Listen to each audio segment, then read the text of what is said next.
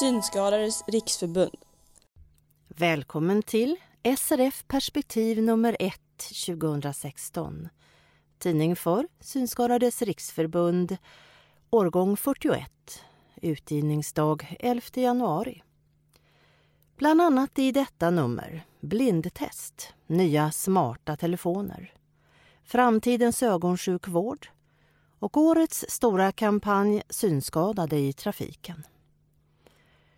På omslaget ses en illustration av en person som rastar sin hund i mörkret under en stjärnhimmel sjungandes A-ha-ha-ha, staying alive. En textstrof ur Bee Gees discohit från 70-talet. Illustration Ann-Sofie Petrini. I detta nummer, artikel 1, Framtidens ögonsjukvård, 2. Ledaren, 3. Notiser, 4. Årskrönika 2015, 5. Årets kampanj, 6. Karolis i Litauen, 7. Laholm leder utvecklingen. 8. Blindtest nya smarta telefoner. 9. Synskadades förbund i Finland. 10. Pressöversikt. 11. SRFs yngsta lokalförening. 12. Vincent. Artikel 13 utifrån. Projekt i Sri Lanka. 14. Inpass. 15. Tips och tricks. 16. Barn och föräldrar. 17. Kalenderkampanjen. 18. Vad gör SRF för flyktingarna? 19. Kännbart. En taktil utställning. Och 20. SRF-information. Därefter som 21 redaktionsruta och 22 annonser. Når vi dig på rätt sätt? För att vi ska kunna nå dig snabbt med aktuell information är det viktigt att vi har rätt e-postadress, telefon och mobilnummer till dig. Om du är osäker om vi har rätt uppgifter så hör av dig till din lokalförening eller till Riksförbundet. Riksförbundets register når du på registret snabela srf.nu.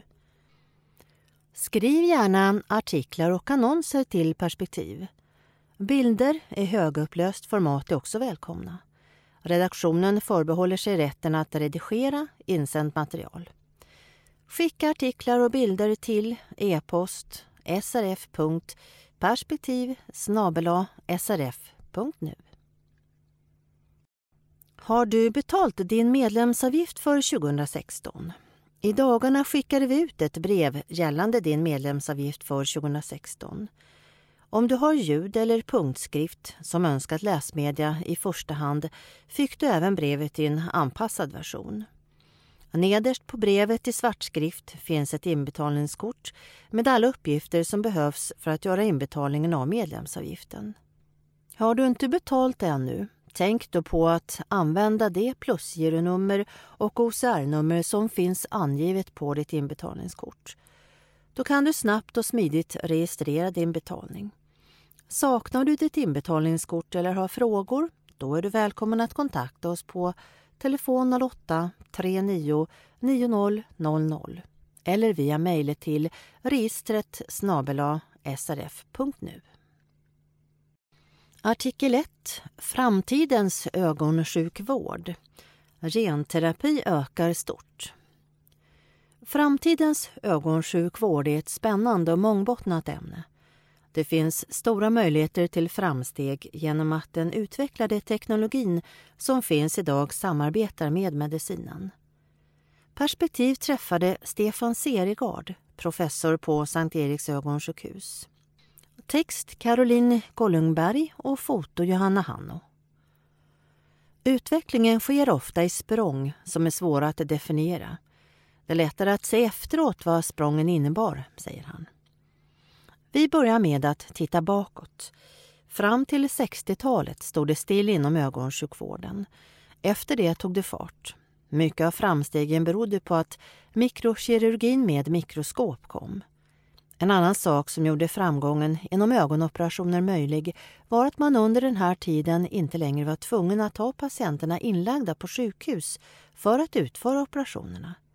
Det gjorde att ögonsjukvården fick en högre prioritet. Gällande till exempel hornhinnekirurgin så hände ingenting på 70 till 80 år. Men för fem, sex år sedan kom den nya typen av vård där man bara byter ut en del av hornhinnan. Det leder till färre komplikationer inom det området, säger Stefan Seregard.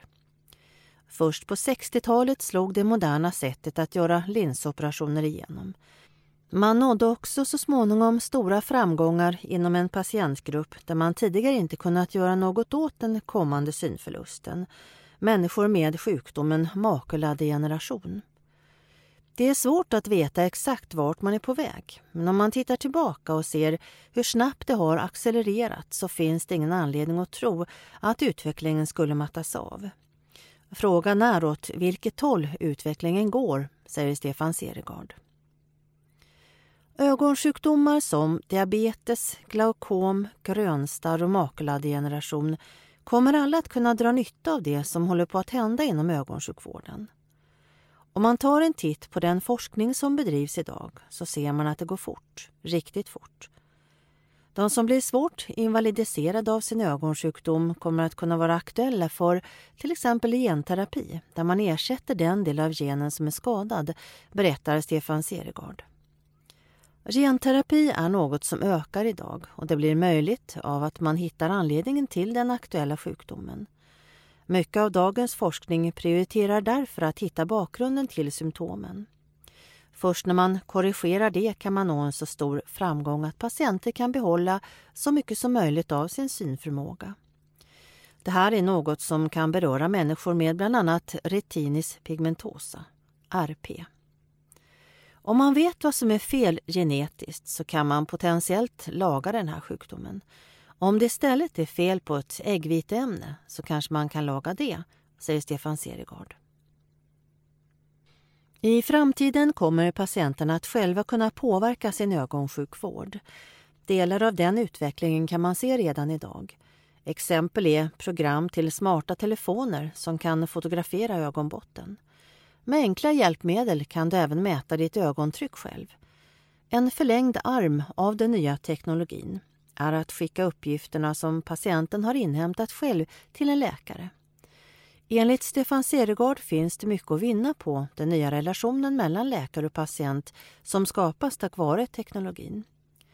Ibland vet patienterna mer om sin sjukdom än vad läkaren gör, säger han. Han menar att det genom teknologin blir enklare att fastställa en korrekt dos av medicin och att patienten genom det kan få bättre framtidsutsikter gällande sin sjukdom. Användningsområdena för smarta telefoner, självmätningsverktyg och kameror är många. Bland annat för kontroll av ögontryck, ögonbotten, glukos och synfält. Det kan leda till att mycket av det som läkaren gör idag blir automatiserat och att läkarna i sin tur kan fokusera på en bättre vård. Dessutom blir patienten mer involverad i sin vård. Det är något som, enligt Stefan Seregard, redan håller på att hända. Det känns som att patienterna kanske inte behöver en läkare, utan en guide. Idag kan man sätta in millimeterstora stift i ögat som sipprar ut läkemedel. Det gör att en person med ett sådant stift i ögat har medicinsk försörjning till ögat i upp till två år. Man väntar på att den här teknologin ska fungera för makuladegeneration. Men hittills har det mest varit för kortisonpreparat. Stiftens syfte är att slippa injicera läkemedel vilket är en stor del av behandlingen av till exempel makuladegeneration. Problemet med att läkemedel sipprar ut på det här sättet är att det är ett konstant utflöde av läkemedel. Idealet hade varit om man hade kunnat fjärrstyra det här. Då hade man kunnat öka och minska dosen, säger han. Stefan Seregard ser att mycket av den forskning som bedrivs idag är riktad mot de stora sjukdomarna för att kunna hjälpa så många patienter som möjligt. Men även när det gäller de små sjukdomarna så kan det komma framsteg tack vare att forskningen inom de stora sjukdomarna ibland snubblar över saker som hjälper forskningen inom de små sjukdomarna. Det kallas inom forskningen för spin-off-produkter. Vi sätter folk på månen och det kan man ju undra varför vi ska göra. Men faktum är att vi har väldigt många produkter som har tagits fram tack vare erfarenheterna från månlandningen. Det är saker som inte går att förutsäga, säger Stefan Seregard. Ett exempel på något som forskare har snubblat över är penicillinet.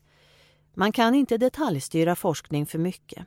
En god forskare kan se att det här är någonting som är utöver det vanliga och det går säkert att använda till någonting. Det gäller bara att inse när man snubblar över någonting, säger Stefan Seregard. Och om man får önska så hoppas Stefan Seregard att det i framtiden ska finnas lösningar som gör att man kan begränsa synförlusten hos så många människor som möjligt. Det är enligt honom möjligt genom att se till att fånga upp människor som har fått en ögonsjukdom tidigt. Idag går många människor odiagnostiserade. Det gör att behandlingen dröjer och att patienten kan få fler komplikationer än nödvändigt. Hitta fler orsaker till glaukom än trycket och börja behandla det. Behandla diabetes på ett sätt som gör att sjukdomen inte påverkar synen. Fakta. Ögonforskning sker på flera kliniker i Sverige, däribland Göteborg, Malmö, Uppsala och Umeå. Nedan fakta om Sankt Eriks ögonsjukhus. Antal forskargrupper 4. Antal patientbesök per år cirka 200 000. Sjukhuset grundades 1990.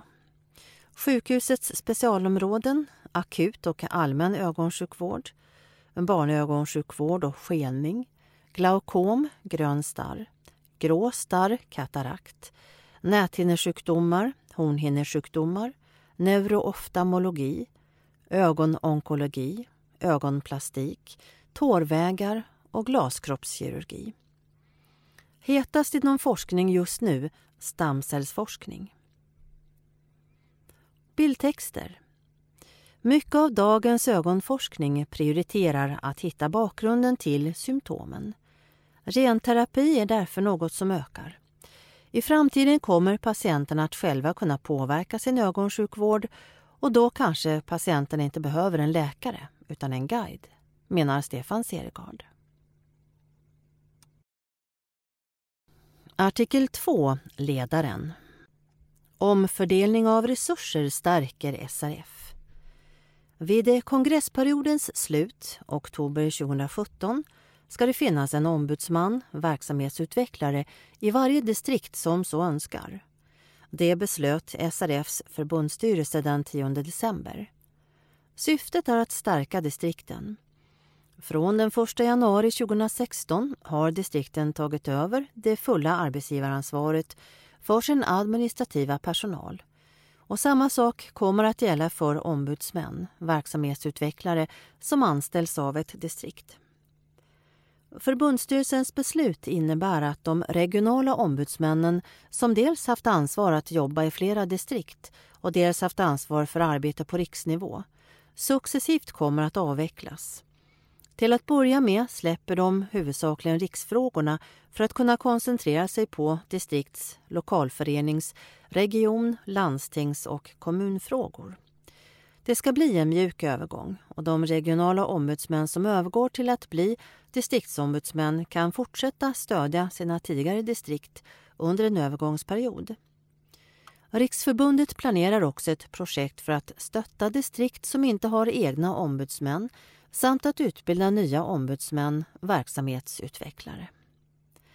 Den reform som nu genomförs innebär att stora personalresurser flyttas från riksfrågorna till arbete i distrikt och lokalföreningar. Detta ska främst finansieras med behovsprövat administrativt stöd. Förbundsstyrelsen har anslagit 3,5 miljoner kronor extra till detta. Även Rikskansliet får nya tjänster för att i viss mån kompensera för de ombudsmannaresurser som flyttas till distrikten. Ombudsmännen, verksamhetsutvecklarna, behövs i distrikten för att bättre kunna arbeta med intressepolitiskt påverkansarbete i landsting, kommuner och andra regionala och lokala instanser.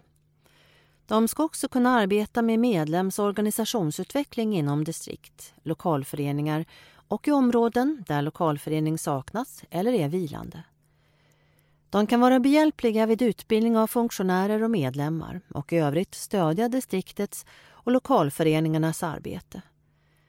Den förbättrade ekonomi som Riksförbundet fått på senare år, bland annat tack vare vår ledarhundskalender, ska nu användas för att skapa en starkare SRF-organisation. Håkan Thomsson, ordförande. Artikel 3 Notiser. Och rubrikerna här är Slut med biljettköp på tåget Mest nedladdade talböckerna 2015 Ny vårdsajt har öppnat Felanmäl uttagsautomaten Fejan för alla nedlagd Robothand ska hjälpa dig att se och framsteg i tunnelbanan. Slut med eh, biljettköp på tåget. Då endast 0,6 procent av biljetterna såldes ombord på tågen har nu SJ slutat sälja biljetter där. Reser du utan biljett för att böta 1 200 kronor. Speciell hänsyn tas dock till resenärer med funktionsnedsättning som av olika skäl kan ha haft svårigheter att köpa biljett innan resan. Webbplatsen och appar kan vara otillgängliga för personer med exempelvis synnedsättning. Vi har bland annat tillgodosett funktionshindrades önskemål genom ökad tillgänglighet till SJs kundtjänst i form av ett eget tonval, säger Thomas Silberski, SJs försäljnings och marknadsdirektör. Resenärer med funktionsnedsättning kan köpa biljett och boka ledsagning via SJs kundtjänst på 0771 757575 tonval 5. Det är en specialservice för personer med funktionsnedsättning. Om en resenär med funktionsnedsättning behöver boka en resa med kort varsel går det att ringa kundtjänst och tonval 5 även utanför kontorstid. Ledsagning måste dock bokas senast ett dygn i förväg. Andra vägar att köpa biljett i direkt anslutning till resan är att använda webbplatsen, appen Min Resa och mobil.sci.se. Mest nedladdade talböckerna 2015. Vilka talböcker lästes mest förra året? Den bok som laddades ner flest gånger från legimus.se och i appen Legimus var Det som inte dödar oss av David Lagerkrans. Boken kom förra året och är del fyra i serien Millennium som inleddes med Män som hatar kvinnor. Tvåa på listan är Jag är Zlatan, även den av David Lagerkrans från 2012. Bok tre på topplistan är En mörkare himmel. Marie Ljungstedts bok som kom 2015. Sammanfattningsvis kan man säga att kriminalromaner dominerar listan. Ny vårdsajt har öppnat.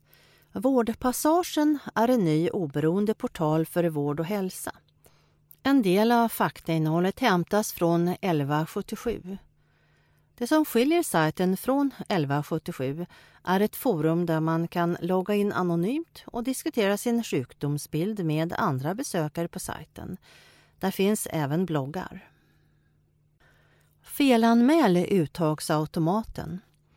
De allra flesta uttagsautomater är försedda med tal. Men om talfunktionen inte fungerar går den att felanmäla till bankomat 010 588 9090 info snabela bankomat.se Nokas 08 200750 ATM snabela nokas.se ICA-banken Kontakta den ICA-butik där uttagsautomaten finns. Fejan för alla nedlagd. Vid årsskiftet stängdes Fejan för alla ner. Projektet instiftades av Post och telestyrelsen, PTS och var tänkt att göra det sociala mediet Facebook mer tillgängligt för personer med syn och hörselnedsättning. Anledningen till att myndigheten nu valt att stänga tjänsten är att användarantalet var lågt. Endast ett fåtal personer valde att använda Fejan för alla. I samband med nedstängningen startade Facebook och Synskadades riksförbund ett samarbete med målet att göra Facebook mer tillgängligt och ta fram en tillgänglighetsguide för att underlätta användandet för personer med synnedsättning. Tanken är att på sikt göra det sociala mediet tillgängligt nog för att människor med synnedsättning ska integreras i alla funktioner på Facebook. Robothand ska hjälpa dig att se. Forskare på de amerikanska universiteten University of Nevada samt University of Arkansas har tagit fram ett par robothänder som man säger kan hjälpa synskadade att se via sina händer. Utvecklingen av robothanden är än så länge på ett tidigt stadium men man säger att det handlar om en slags handske som efter att den synskadade har trätt den på handen ger information via diverse sensorer och kameror som läser av omgivningen. Jan Tao som lett utvecklingen av robothanden, berättar de visuella sensorerna är mycket högupplösta kameror som kan informera bäraren om formen på en sak och var den saken finns. Framsteg i tunnelbanan. Under våren kommer även de äldre tunnelbanevagnarna att få automatiserade stationsutrop. Ansvaret för utropen har hittills legat hos förarna och det har inte alltid fungerat som det ska. Till stor förtret för många synskadade, skriver Synskadades riksförbund. Arbetet med att utrusta alla gamla vagnar med automatiserade utrop har påbörjats och kommer att pågå under våren. Samtliga vagnar kommer att ha automatiserad utropsfunktion i april, rapporterar Synskadades riksförbund. Synskadades riksförbund Stockholm och Gotlands län har drivit frågan i flera år och är nöjda, även om de anser att det tagit lång tid innan det nu blir verklighet.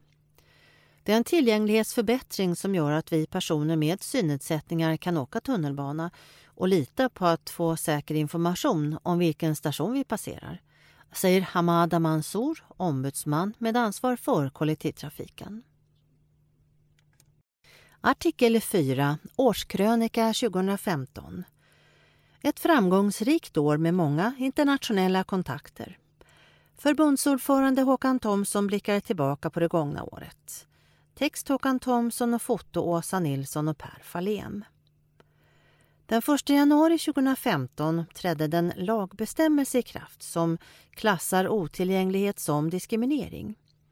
Den 23 januari genomförde vi en heldagsutbildning för personalen och förbundsstyrelsen kring den nya lagstiftningens möjligheter. Bland annat medverkade den synskadade juristen Annika Gyrvall Åkerberg. Som vi vet har lagen stora begränsningar så vi har inte märkt så mycket av den ännu. Den 13 april deltog jag när Lika Unika uppvaktade demokratiminister Alice Bah Kuhnke, Miljöpartiet. Och här krävde vi att lagen skulle skärpas. Vi tyckte oss få medhåll av ministern, men något resultat har vi trots det inte sett. En annan lag som var på tapeten 2015 var LSS, lagen om stöd och service till vissa funktionshindrade. Socialstyrelsen gjorde en kartläggning av hur lagen tillämpas. I juni träffade två representanter för Socialstyrelsen vår förbundsstyrelse. Och här fick de ta del av vårt synsätt och ett stort antal argument för att lagen behöver förtydligas. Under hösten har vi fortsatt att ligga på denna fråga. Onsdagen den 28 oktober uppmärksammade Sveriges Televisions båda nyhetsprogram, Aktuellt och Rapport, att synskadade får allt svårare att beviljas ledsagning genom LSS. SRFs första vice ordförande Victoria Öjefors Quinn debatterade med socialminister Åsa Regner, socialdemokrat. Ministern höll med om att utvecklingen gått åt fel håll och i början av november tillkännagav regeringen att LSS ska ses över, däribland insatsen ledsagning. Vi får alltså fortsätta traggla med denna fråga under 2016. Annars började år 2015 riktigt bra mediamässigt. Redan den 2 januari medverkade jag i Kulturnytt i Sveriges Radio P1 och berättade om punktskriftens betydelse. Och fredagen den 30 januari handlade ett inslag i Ekonomiekot, också det i Sveriges Radio P1, om synskadade bankkunder. Det som lyftes fram var höga avgifter för att betala sina fakturor på bankkontoren samt bristande information om banktjänster till synskadade. Helgen den 23 till 25 januari samlades ett 70-tal SRF-are på Almåsa för att delta i vår konferens om organisationsutveckling. Samtliga distrikt, flera branschföreningar, stora delar av förbundsstyrelsen samt representanter för SRFs barn och ungdomsråd och unga synskadade deltog. Medlemsrekrytering, olika arbetsformer, tips och idéer diskuterades frejdigt. Senare under året fastlade förbundsstyrelsen en strategi för medlemsutveckling som gäller för perioden 2015 till 2023 och alla distrikt uppmanades att, i samverkan med sina lokalföreningar, ta fram handlingsplaner för medlemsutveckling. Faran med tysta fordon, framförallt el och hybridbilar, var något som vi på allvar började uppmärksamma under 2015. Under våren deltog vi i två internationella möten på detta tema och i Almedalen var faran med tysta fordon ett av våra huvudbudskap. Dialogen med de tre företag som tillhandahåller uttagsautomater i Sverige har fortsatt under året. I dagsläget är cirka 90 procent av alla uttagsautomater försedda med en talfunktion. Den positiva dialogen ska fortsätta och nu handlar det också om att få in talfunktion i insättningsautomaterna. Under våren genomfördes en stor medlemsundersökning där TNS Sifo intervjuade 1000 av våra medlemmar om gatumiljö, kollektivtrafik, färdtjänst och digital tillgänglighet. Två rapporter togs fram vilka visar att synskadade har en besvärlig situation på dessa områden. Resultaten var kanske inte så förvånande, men ändå nedslående. Utifrån dessa fakta får vi nu hämta kraft till att fortsätta SRFs nödvändiga arbete att påverka synskadades livssituation med målet att vi ska ha makten över våra egna liv och känna frihet i vardagen. 2015 var ett år med många internationella utblickar. Två intressanta och värdefulla studieresor till Storbritannien genomfördes. En med ledarhundsverksamhetens personal och en för förbundsstyrelsen. Den 22 september medverkade undertecknade i ett seminarium i EU-parlamentet i Bryssel med Marrakeshavtalet som tema. Fyra SRF-are deltog i Africa Forum i Uganda i början av oktober och i slutet av samma månad hölls European Blind Unions generalförsamling utanför London. 2015 var också året då det personella stödet till distrikten utreddes. I december beslöt förbundsstyrelsen att alla distrikt ska kunna ha en ombudsman, verksamhetsutvecklare och att den reformen ska genomföras innan kongressen 2017. Detta är en stor organisatorisk förändring som alltså beslutades 2015 men som börjar genomföras under 2016. Från och med 2016 har också distrikt och föreningar själva arbetsgivaransvaret för lokal och administrativ personal. Vår kalender, Årets ledarhundsvalpar, fortsätter att göra succé. Den sprider information om synskadades situation och SRF men den ger också ett mycket viktigt ekonomiskt tillskott till vår verksamhet.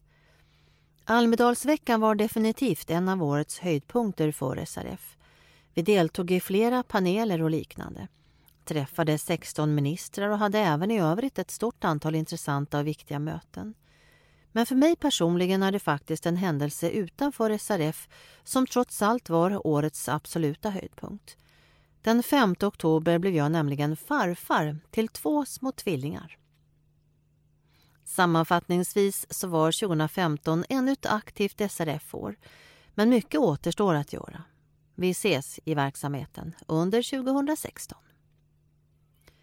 Bildtexter Ordföranden i riksdagens socialförsäkringsutskott, Fredrik Lund Sammeli, socialdemokrat uppmanade Håkan Thomsson och övriga i funktionshindersrörelsen att sätta press på politikerna i riksdagen.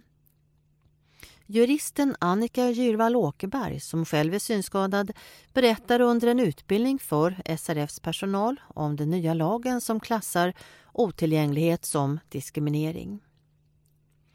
På Island samlades Nordens synskadeorganisationer för att tala om hur man bäst inkluderar synskadade barn och unga i skolan och på arbetsplatser. Anna Kinberg Batra, moderat, samtalar under Almedalsveckan med Victoria Öjefors Quinn, förste vice ordförande i SRF. Artikel 5, årets kampanj, gatu och trafikmiljön. Synskadades livsvillkor och möjligheter är temat för en stor kampanj i höst. Målet för kampanjen är att tydligt visa allmänheten hur det är att ha en synnedsättning. Text Jeanette Schöller, foto Åsa Nilsson. Kampanjens syfte är att tipsa om hur gatu och trafikmiljöer kan förbättras med särskilt fokus på Vita käppen. Fjolårets stora medlemsundersökning fastslog att många av förbundets medlemmar känner en så stor otrygghet i gatu och trafikmiljöer att det inte går ut på egen hand i närområdet. Kampanjen startar efter sommaren och avslutas på Vita käppens dag den 15 oktober. För att kampanjen ska bli framgångsrik behöver hela organisationen vara på fötter. Många distrikt och lokalföreningar har redan planerat för olika aktiviteter men hör gärna efter i ditt distrikt för besked om vad som är på gång. För er som fortfarande är i planeringsstadiet inför kampanjen följer lite tips på aktiviteter som är på gång runt om i landet under kampanjen. Genomför en tillgänglighetsvecka eller dag med aktiviteter och föreläsningar i era kommuner riktade mot allmänheten.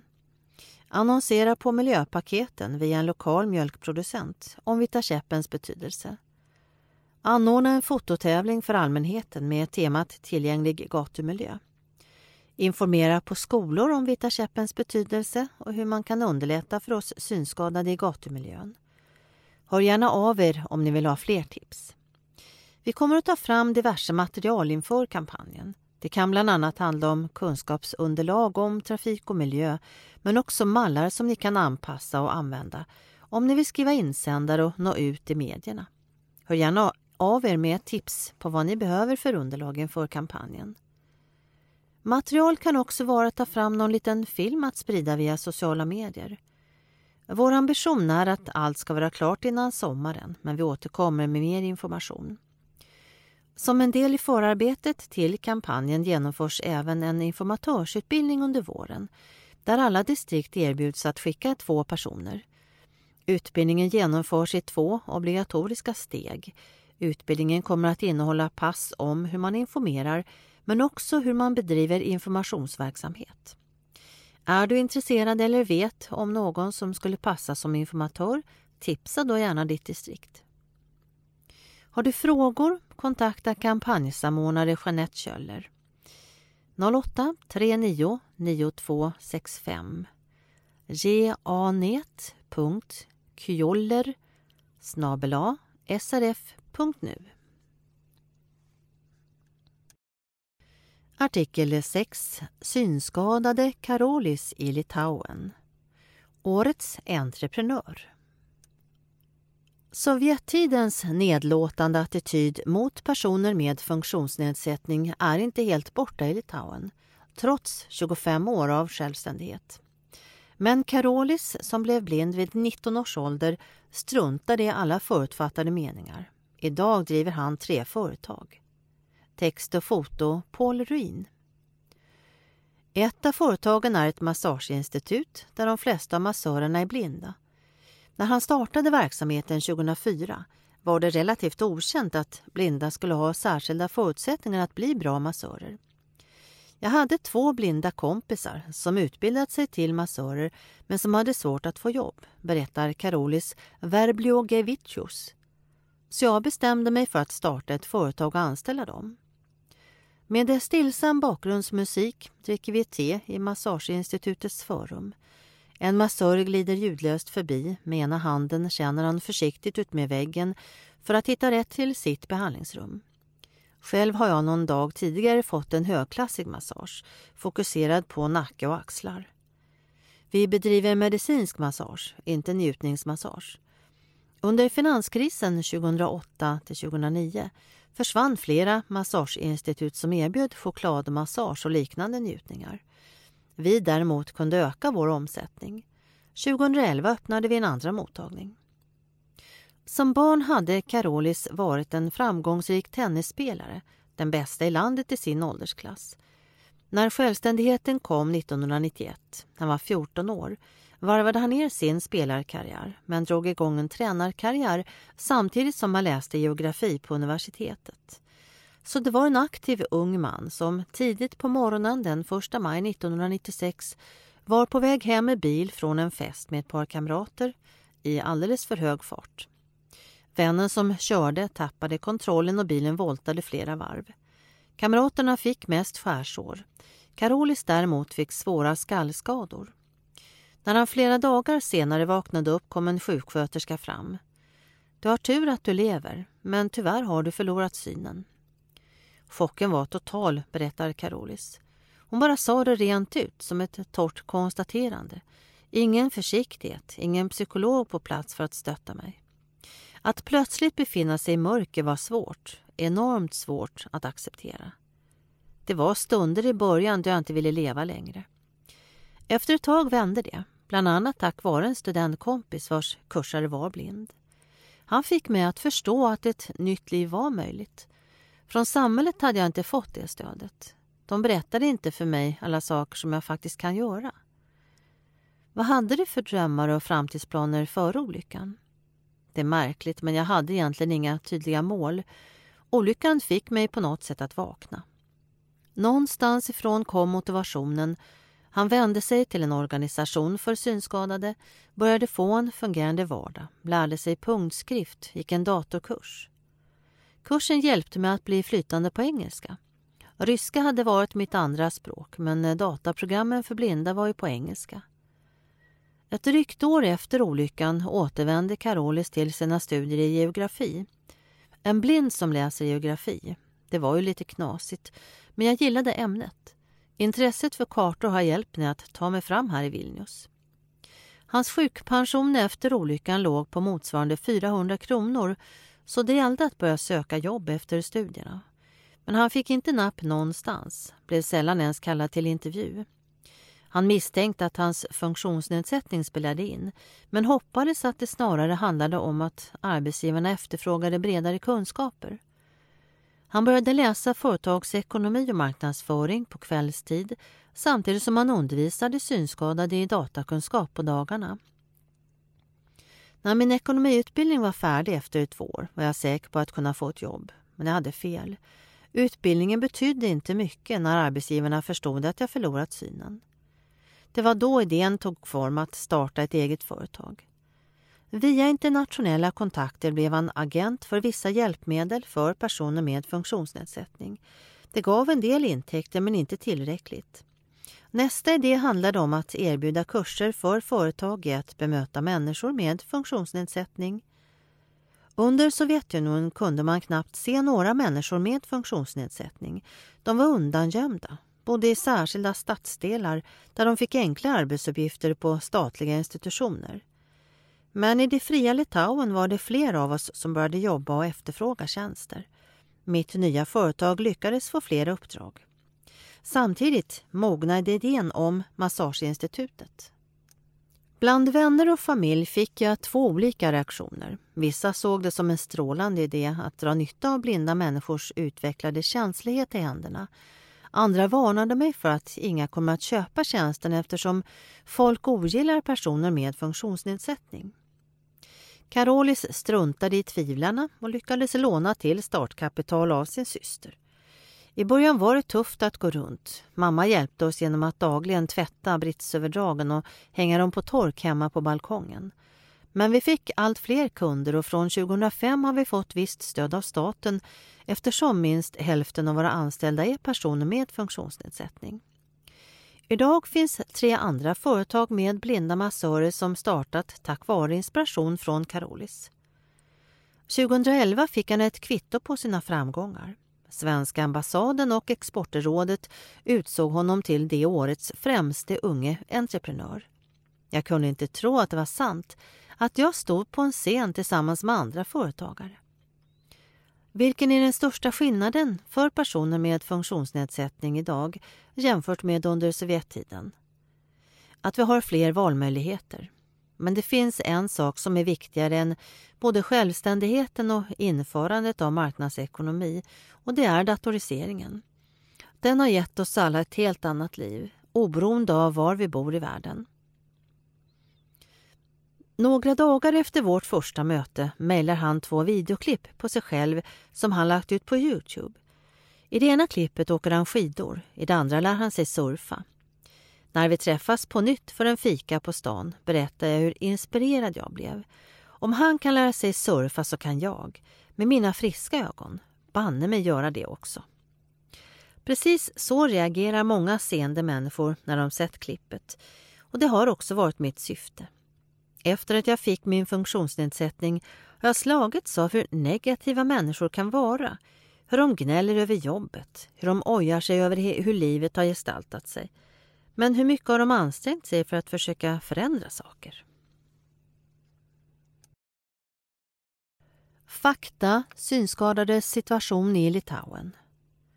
Situationen för människor med funktionsnedsättning i Litauen har förbättrats avsevärt på senare år, enligt Lithuanian Disability Forum, men eh, mycket återstår. Hälften av alla offentliga byggnader är fortfarande inte tillgängliga. Attityden mot personer med funktionsnedsättning har förbättrats men än idag kan till exempel gravida med funktionsnedsättning rekommenderas att lämna bort sina barn till någon institution. Värst är emellertid läget för utvecklingsstörda som ofta placeras på institutioner. Fakta blinda massörer i historien och i världen. Att blinda skulle ha särskilda förutsättningar att bli massörer har varit känt i Asien i hundratals år. Enligt det svenska företaget Synskadade massörer, som grundades 2011, var det bara blinda massörer som tilläts behandla kejsarna i Kina. I Asien finns många idag och i Europa ökar de i antal. Bildtexter Karolis Verbliogevicius är gift och har en dotter på fyra och en son på ett. Hans fru är seende. I våra första mejlkontakter berättade jag inte att jag var blind. Jag var rädd att hon skulle döma mig på förhand. Under Sovjettiden kunde man knappt se några personer med funktionsnedsättning. De var undangömda och bodde i särskilda stadsdelar, berättar Karolis Verbliogevicius. Därför är det en revansch för honom att ha startat eget och att verksamheten går så bra. Artikel 7. Laholm leder utvecklingen. Laholms kommun är först i landet med att införa fritt antal timmar för personer som har ledsagning enligt lagen om stöd och service till vissa funktionshindrade, LSS. Text Åsa Nilsson, foto Pia Nordlander. Ett försök som avslutades i höstas visade att kommunens kostnader blev obetydligt högre när brukarna själva fick avgöra sitt ledsagarbehov. Testpersonerna slapp oroa sig för att timmarna skulle ta slut. Laholmsmodellen blev så lyckad att socialnämnden permanentade försöket. Testgruppen använde 3% fler ledsagartimmar när de själva fick bestämma. Uträknat på alla cirka 60 Laholmsbor med LSS-ledsagning innebär det en kostnadsökning med 65 000 kronor om året. Kommunens extra kostnader har jämförts med vad en handläggare som avgör ledsagarbehovet kostar. Det är ett nollsummespel om det inte till och med är en vinst, säger projektledare Kristina Isaksson. Synskadade Lars-Ingvar Persson trodde till en början inte att det var sant när han själv fick bestämma. Hoppas nu att andra kommuner följer efter Laholm, säger han. Vissa månader under försöket använde Lars-Ingvar Persson fler ledsagartimmar än tidigare och andra betydligt färre. I snitt behöver han 20 timmar i månaden. Beslutet öppnar möjligheter för oss synskadade att bättre kunna styra över våra liv säger SRFs andre vice ordförande och ordföranden för Synskadades riksförbund Halland, Niklas Mattsson. Vad händer för dem som vill ha LSS-ledsagning men som inte tillhör den så kallade personkretsen? Beslutet kommer inte försvåra för dem att ansöka, säger socialnämndens ordförande i Laholm, Mikael Kalin, moderat. Allt färre personer i landet beviljas ledsagning enligt LSS. Sedan 2008 har antalet minskat med 13 procent. Enligt Synskadades riksförbund behöver det slås fast att gravt synskadade, blinda och dövblinda tillhör lagens personkrets.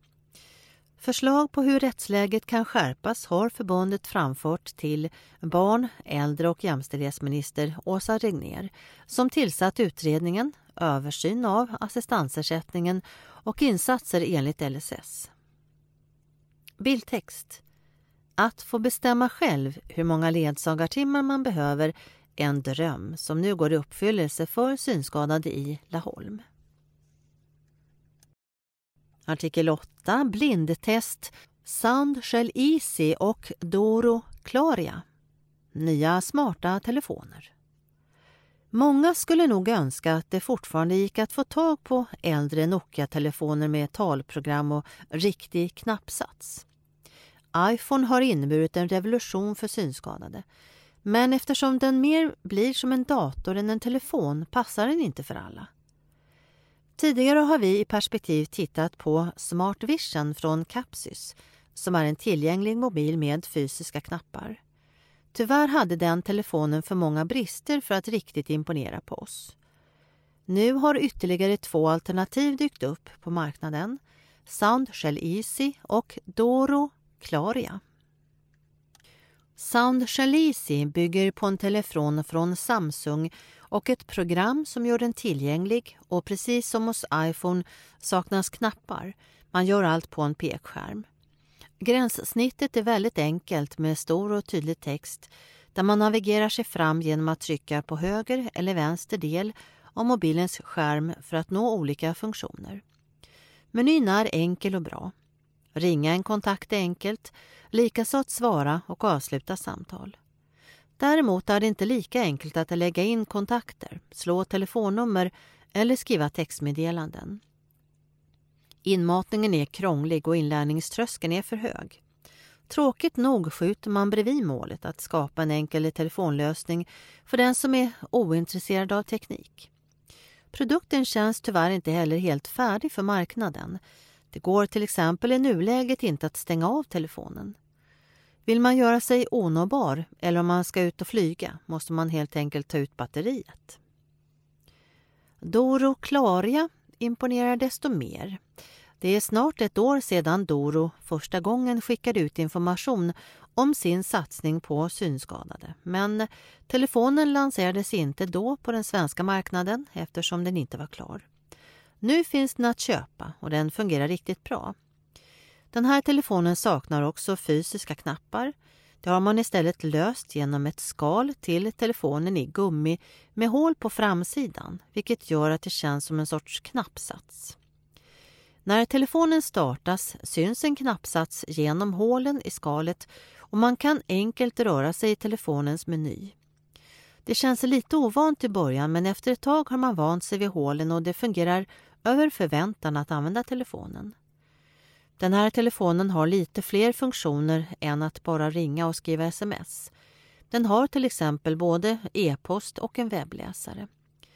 Det går också att växla över till mobiloperativsystemet Android och köra appar som är tillgängliga där. Doro Claria kan alltså passa både den som bara vill ringa och skicka meddelanden och den som vill börja utforska världen av smarta telefoner och kan vara en början till att i framtiden gå över till exempelvis iPhone. Telefonen innehåller också specifika appar för synskadade såsom en skanningsfunktion för att läsa text, en färgindikator och en ljusindikator. Den svenska återförsäljaren har sagt att dessa funktioner inte är bra och att de försökt förmå Doro att ta bort dem. Vi kan bara hålla med. De funktionerna fungerar extremt dåligt och drar ner betyget lite på en annars välbyggd produkt. Prismässigt ligger dessa två produkter ungefär på samma som man får betala för en vanlig smartphone, vilket är en positiv utveckling. Båda telefonerna levereras med svensk bruksanvisning på Daisy. Text och foto Joakim Kohlman. Artikel 9. Synskadades förbund i Finland. Tuffa tider för synskadade. Synskadades förbund inledde det nya året genom att ta i bruk ett nytt namn, nya stadgar och en ny organisationsmodell. Förbundets verksamhet har genomgått förändringar under de senaste åren främst på grund av ändringar i finansieringen. Men förbundets grunduppgift, att bevaka synskadades intressen, är fortfarande densamma. I ett allt mer visuellt samhälle är det viktigt att förbundet lyfter fram synskadades behov. Text Maria Finström, Synskadades förbund. Foto Jukko Vatanen och Juha Tuomi. Förbundet är expert på synskadefrågor. År 1928 grundades det Blindas centralförbund som takorganisation för 17 medlemsföreningar. År 1980 bytte förbundet namn till Synskadades centralförbund, idag Synskadades förbund. Förbundet har nu 24 medlemsföreningar med sammanlagt 10 000 medlemmar och sysselsätter 150 personer. Förbundets viktigaste uppgift är att erbjuda expertis i synskadefrågor, bevaka synskadades intressen och producera specialtjänster för synskadade. Dessutom stöder förbundet sina medlemsföreningar som ansvarar för verksamheten ute på fältet. Medlemsföreningarna erbjuder viktig social samvaro och kamratstöd. Förbundets största finansiär är Penningautomatföreningen i Finland. Övriga finansiärer är centralsjukhusen, kommunerna och Folkpensionsanstalten. Dessutom finansieras verksamheten av bidrag och testamenten från privatpersoner och företag. Förbundets organisation består idag av två linjer, intressebevakning och serviceproduktion. Inom intressebevakning fungerar bland annat de regionala sakkunnighetstjänsterna för synskadade och medlemsföreningar, tillgänglighetsrådgivningen, sysselsättningstjänsterna, informationstillgänglighetstjänsterna och utlåningen av Daisy-spelare samt den internationella verksamheten. Serviceproduktionen innefattar vuxen och barnrehabilitering, hjälpmedelsförsäljning och utlåning, ledarhundsskolning samt studio och tryckeri. År 2003 tog Synskadades förbund i bruk sina nya verksamhetsutrymmen verksamhets och servicecentret Iris det sägs att huset är det mest tillgängliga i hela Finland eftersom man vid planeringen har beaktat inte bara synskadades utan även övriga specialgruppers behov. Byggnadens ytmaterial, bottenlösning och belysning har planerats utgående från målgruppens behov. Förbundet har tillsammans med samarbetspartners lyckats göra flera tjänster tillgängliga för synskadade. År 2013 togs talande bankautomater i bruk i Finland till följd av ett gott samarbete mellan förbundet och företaget Automatia. Sedan år 2011 har förbundet samarbetat med justitieministeriet för att producera tillgängligt valmaterial i president-, riksdags och kommunalval. Ett av förbundets flaggskepp är utan tvekan informationstillgänglighetstjänsterna. Förbundet har sedan 1980-talet arbetat med att producera dagstidningar och tidskrifter i tillgängligt format. För tillfället har synskadade i Finland tillgång till över 60 dagstidningar och 100 tidskrifter i tillgängligt format. Tidningarna kan läsas med dator, mobiltelefon, pekplatta eller Daisy-spelare.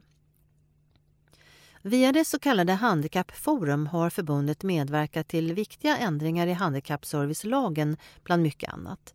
Den viktigaste ändringen kom år 2009 då det stadgades om rätten till personlig assistans för personer med grav funktionsnedsättning.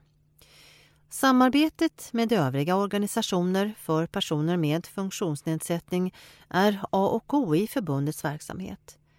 Ett halvfärdigt projekt är dock fortfarande FNs konvention om rättigheter för personer med funktionsnedsättning då Finland ännu inte har ratificerat konventionen.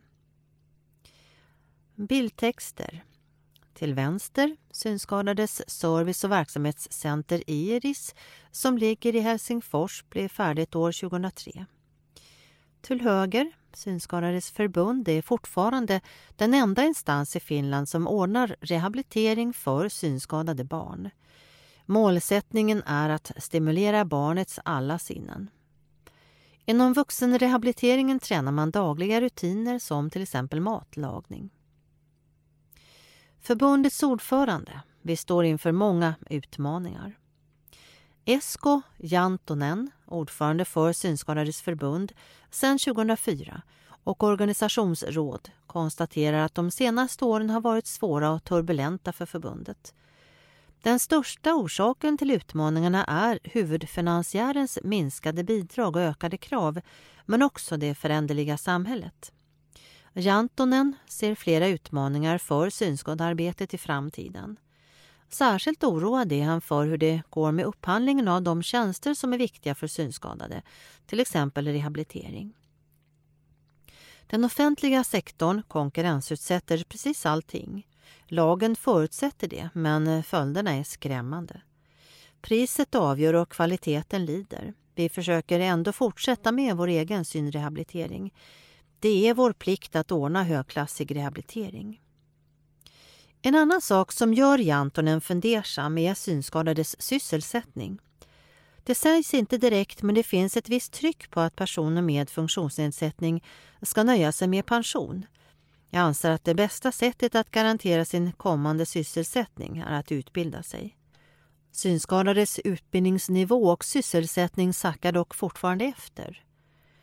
Andra utmaningar i framtiden är enligt Jantonen tillgänglighet och kommunernas dåliga ekonomi. För synskadade betyder det ofta att viktiga tjänster som personlig assistans och färdtjänst är på fallrepet. Jantonen betonar att servicenivån inte får försämras. Många synskadade har det kärvt. Ibland är den enda utvägen självdestruktiv. Vi har nyligen tagit del av oroväckande forskningsresultat som visar att synskadade, särskilt synskadade män i arbetsför ålder, har en mycket större självmordsrisk än övriga befolkningen. Vi måste satsa på förebyggande arbete i hela landet. Artikeln publicerades i Näkö Vammaisten Airut 2014. Text Ali Kinnunen, sammanfattning och översättning Maria Finström. Förbundet finlandssvenska synskadade, vi är en minoritet. Sune Huldin är sedan årsskiftet ordförande i förbundet finlandssvenska synskadade, FSS. Förbundets största uppgift är att försöka upprätthålla jämlikhet, delaktighet och tillgänglighet för oss synskadade i samhället, säger Sune Huldin. Förbundet består av sju distriktsföreningar och vi har närmare 900 medlemmar. Om man jämför er med det finskspråkiga Synskadades förbund, vad skiljer er åt? Förutom intressepolitiken måste vi även bevaka det svenska språket. För vi svenskspråkiga är en minoritet i Finland och synskadade är en minoritet i denna. Den finska penningautomatföreningen, RAY, samlar in medel med hjälp av penningautomat och kasinospelverksamhet för att främja finländarnas välfärd. Vår organisation har nog svårare ekonomiska förutsättningar än ni har i Sverige, fortsätter Sune Huldin. Vi får bidrag från RAI, men de är nu nedskurna. Text här Sune Olsson och bildtext. Sune Huldin, ny ordförande i FFS, som har sitt huvudkontor i Helsingfors. Artikel 10 Pressöversikt. Rätt till punktskrift och ledsagning. Synskadades rätt till ledsagning måste säkras, skriver Håkan Thomsson på Dagens Samhälle Debatt den 15 januari. Text Åsa Nilsson, foto Sveriges riksbank. SRF adresserade den 15 januari en skarp tipslista till regeringens översyn av lagen om stöd och service till vissa funktionshindrade, LSS. Sedan 2008 är det allt färre personer som har rätt till ledsagning enligt LSS. På internationella punktskriftsdagen den 4 januari är rubriken Blinda barn måste få lära sig punktskrift på debattsajten SVT Opinion. Talsynteser i datorer, talande mobiler och surfplattor har inneburit en revolution för personer med synnedsättning. Men det finns en övertro på att ny teknik kan ersätta punktskriften, skriver Håkan Thomsson, SRF, Annika Södergren, Föreningen för synrehabilitering och Fredrik Larsson, Punktskriftsnämnden. Ögonpatienter får vänta längst i vårdkön, rapporterade SR Västernorrland den 15 januari. Efter att landstinget i närmare två år någorlunda lyckats hålla vårdgarantin har kön återigen vuxit sig lång. Enligt SR har över 1500 ögonpatienter tvingats vänta för länge och värst är läget i Örnsköldsvik. Ordförande i Synskadades riksförbund Ångermanland, Sven Edlund, berättar om oroliga medlemmar som hör av sig med hopp om att distriktet ska kunna trycka på. De hållplatsskyltar som satts upp vid större busshållplatser i Jönköping har fortfarande inte bytts ut. Företaget som skulle ha satt upp nya, mer läsvänliga skyltar har gått i konkurs. Det känns snopet, säger Erik Andersson, trafikutvecklare på länstrafiken till SVT Jönköping den 14 januari. I våras genomförde Unga Synskadade Syd en aktion där de klistrade över de otillgängliga skyltarna med texten För tillfället ser ni inte texten på skylten. Vi ser den aldrig. I Folkbladet den 16 december säger Finspångsbon Martin Törnqvist att sammanslagningen av syncentralerna i Norrköping och Linköping borde stoppas. Nu måste Martin Törnqvist och många med honom åka färdtjänst från länets östra delar till Linköping. Flytten blir en besparing och syncentralens verksamhet blir mindre sårbar när den är samlad på ett ställe, enligt produktionschefen på Sinnescentrum Eva-Lena Zetterlund. Medierna rapporterar om utmaningar och möjligheter som personer med synnedsättning möter. Beställ nyhetsbrevet om oss i medierna genom att mejla till info srf.nu. Bildtext. Riksbankens nya sedelmått är ett vardagsexempel på varför punktskriften är nödvändig. Artikel 11. SRFs yngsta lokalförening. Lokal förankring viktig. Vi skulle kunna göra mycket för att underlätta livet för våra medlemmar, säger Per Karlström, styrelseledamot i SRFs yngsta lokalförening.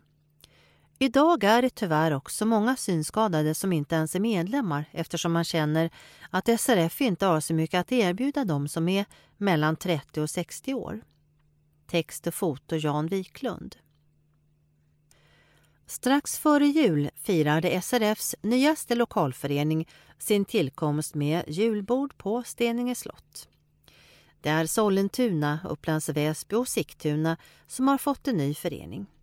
Det har funnits två föreningar där tidigare men de lades ner i början av 2000-talet och medlemmarna direktanslöts till distriktet som skötte verksamheten.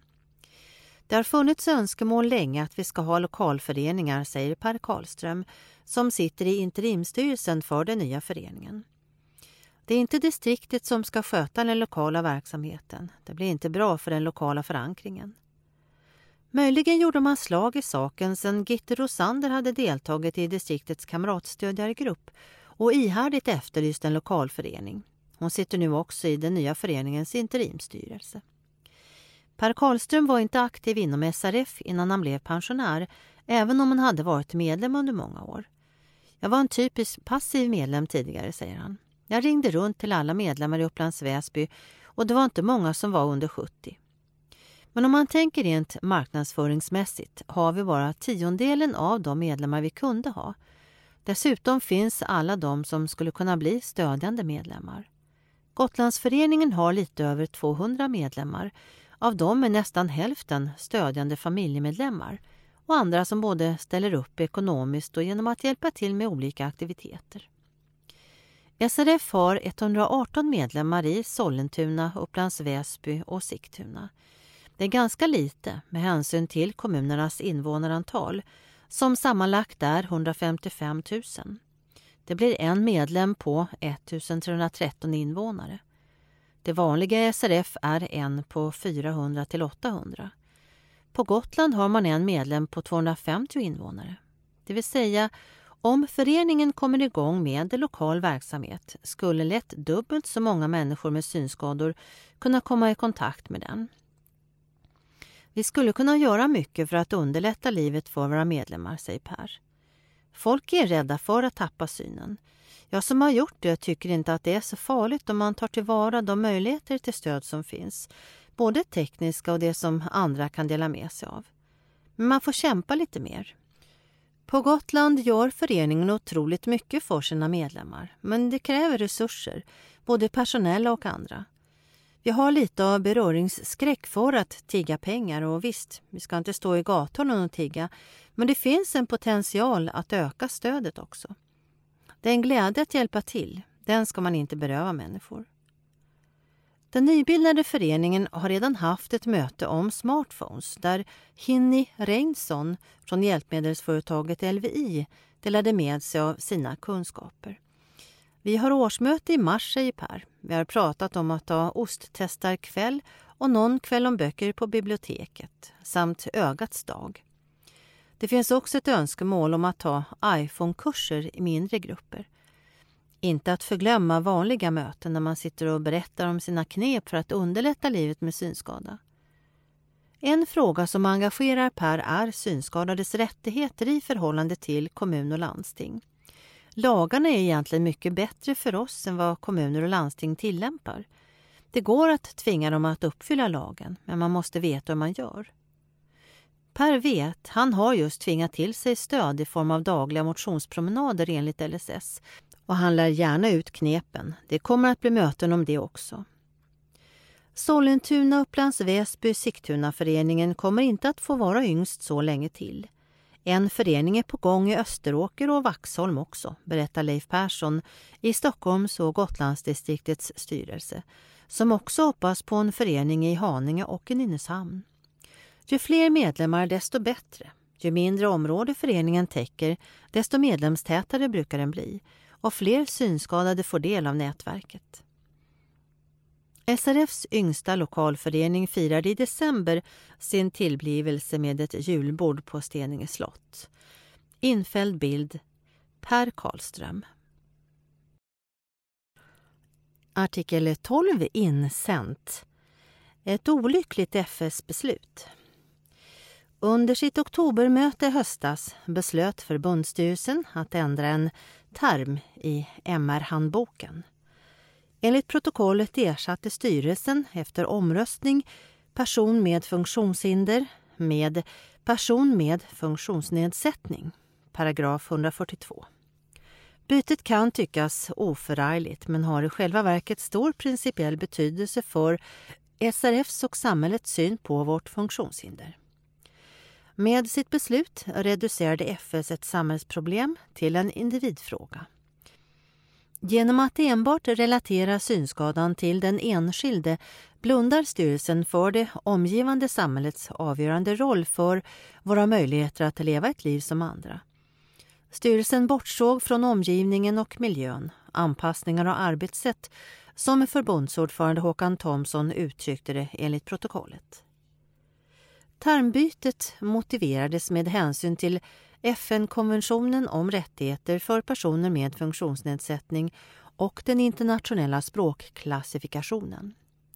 Det är riktigt att konventionen använder det individcentrerade Persons with Disabilities i sin engelska ursprungsversion som blivit personer med funktionsnedsättning i den svenska översättningen. Men valet av den engelska termen måste bedömas mot bakgrund av det sammanhang där och då den fastställdes. Konventionen är framförallt ett politiskt dokument.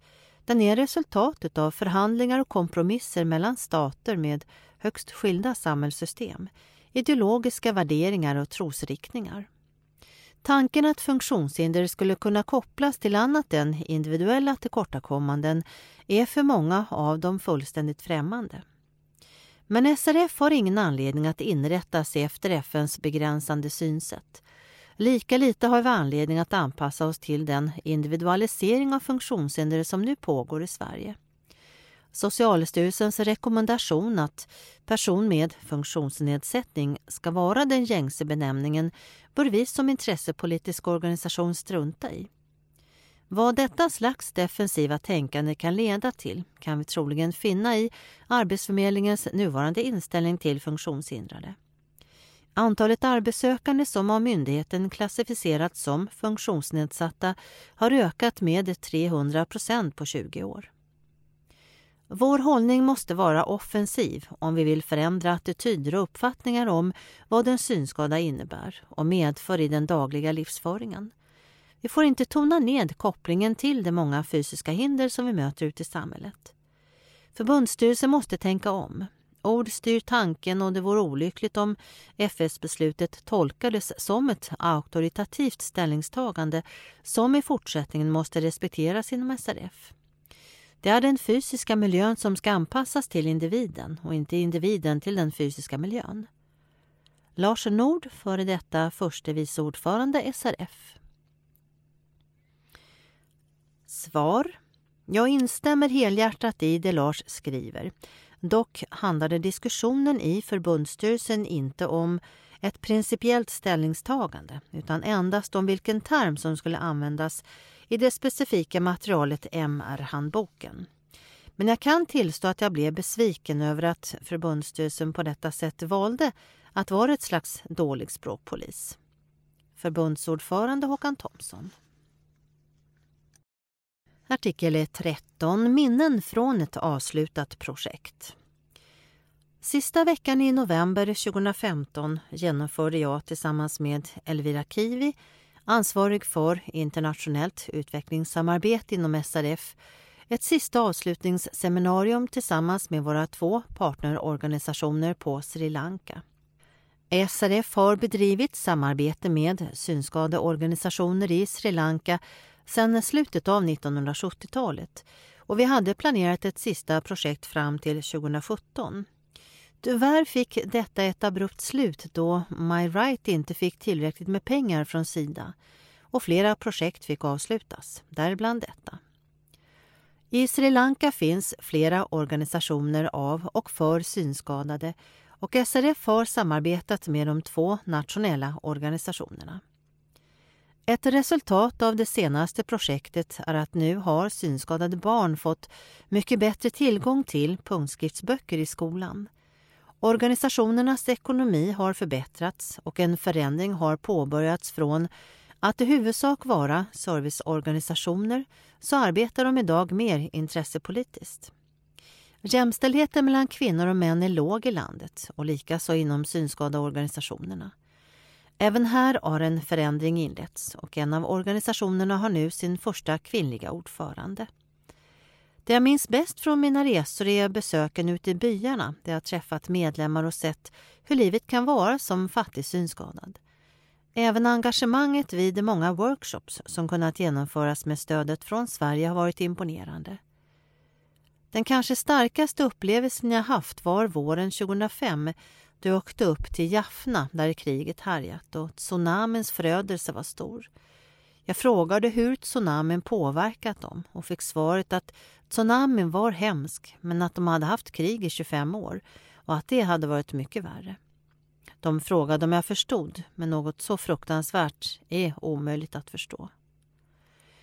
I landet pågick ju ett inbördeskrig under nästan 30 år och nu sedan det är slut så kan förhoppningsvis resurserna användas till att bygga upp landet istället för att rasera det. Jag har lärt mig mycket under mina drygt tio år som jag varit med i samarbetet och även om Sri Lanka är mycket fattigare än Sverige så är frågorna vi driver de samma. FN-konventionen för lika rättigheter för personer med funktionsnedsättningar är också viktig för oss i båda länderna. Den 23 december fick vi det glada beskedet att regeringen äntligen ratificerat den konventionen. Jag kommer att sakna detta viktiga arbete men jag kommer att följa det på distans. Dan Berggren, ideellt engagerad i projektgruppen. Artikel 14 Inpass Nytt år, nya tag. Nytt år, nya förväntningar, nya förhoppningar, nya utmaningar och nya medlemmar. Vi har under flera år engagerat oss i att varva fler medlemmar genom bland annat kurser, utbildningar och konferenser. Vi har lärt oss att vi också måste bli bättre på att vårda de medlemmar vi har, engagera och stimulera dem som vill vara aktiva och utveckla verksamheten då kommer vi att lyckas och nå ett gott resultat. Ett bra hjälpmedel i detta viktiga arbete är den medlemsstrategi som vi tagit fram 2015 och som ska gälla till kongressen 2023 då vi har som mål att vara minst 15 000 medlemmar. Jag hoppas du tagit del av strategin och att ni gjort handlingsplaner utifrån era egna förutsättningar. Synskadades riksförbund är en kraftfull organisation och driver intressepolitiska frågor som berör alla synskadade. Det borde vara en självklarhet att fler ansluter sig till oss och att vi är goda ambassadörer i det arbetet. Genom att våra ombudsmän nu även blir verksamhetsutvecklare i distrikten så kommer de att bli ett stort stöd i arbetet att utveckla SRF. Under detta år kommer en informationskampanj att genomföras, vilket du kan läsa mer om på sidan 13. Här är taltidningen artikel 5. Kampanjen är ett led i vårt utvecklingsarbete. Vi synliggör SRF mycket mer utåtriktat till allmänheten där vi bland annat kommer att visa vad den vita käppen betyder för oss. Vi hoppas på stor uppslutning i alla distrikt och stor uppmärksamhet i media. Vår fina anläggning Almåsa kursgård kommer att få en ansiktslyftning under 2016. Bland annat ska bassängen renoveras och den är troligen stängd under hela året. Någon annan form av badanläggning kan bli aktuell under den stängda perioden. I mitt arbete i förbundsstyrelsen så har jag varit starkt engagerad i organisationsutvecklingen med allt vad det innebär och jag tror och hoppas att vi ska lyckas med att vända trenden med medlemstapp, bara vi alla hjälps åt. Önskar er alla ett riktigt trevligt, roligt och händelserikt SRF-år. Ulla Bergeros, ledamot i förbundsstyrelsen och Iris förvaltning. Artikel 15 Tips och tricks. I vilken kartong ligger ärtorna? Hur vet jag om hundens halsband lyser och hur fyller jag på pepparkvarnen? Perspektivs läsare delar med sig av sina bästa vardagstips. Hör av dig du också och bjud oss på dina bästa. Text Sune Olsson, illustration Ann-Sofie Petrini. Smart med fryspåse. För mig som inte ser någonting är det ibland svårt att skilja den ena livsmedelsförpackningen åt från den andra. Fryskartongerna eller soppförpackningarna känns exakt lika. Då brukar jag be kassapersonalen lägga den ena i en fryspåse och på det viset vet jag vilken som är vilken. Leif Jeppsson Lagom stora köttbullar och pannbiffar. Då jag ska laga köttbullar tar jag upp smeten ur bunken med en matsked. På det viset blir köttbullarna ungefär lika stora. Likadant gör jag då jag ska steka pannbiffar, fast då använder jag ett halvdeciliter mått för att få rätt mängd smet. Gertrud Lindgren Fylla på pepparkvarnen.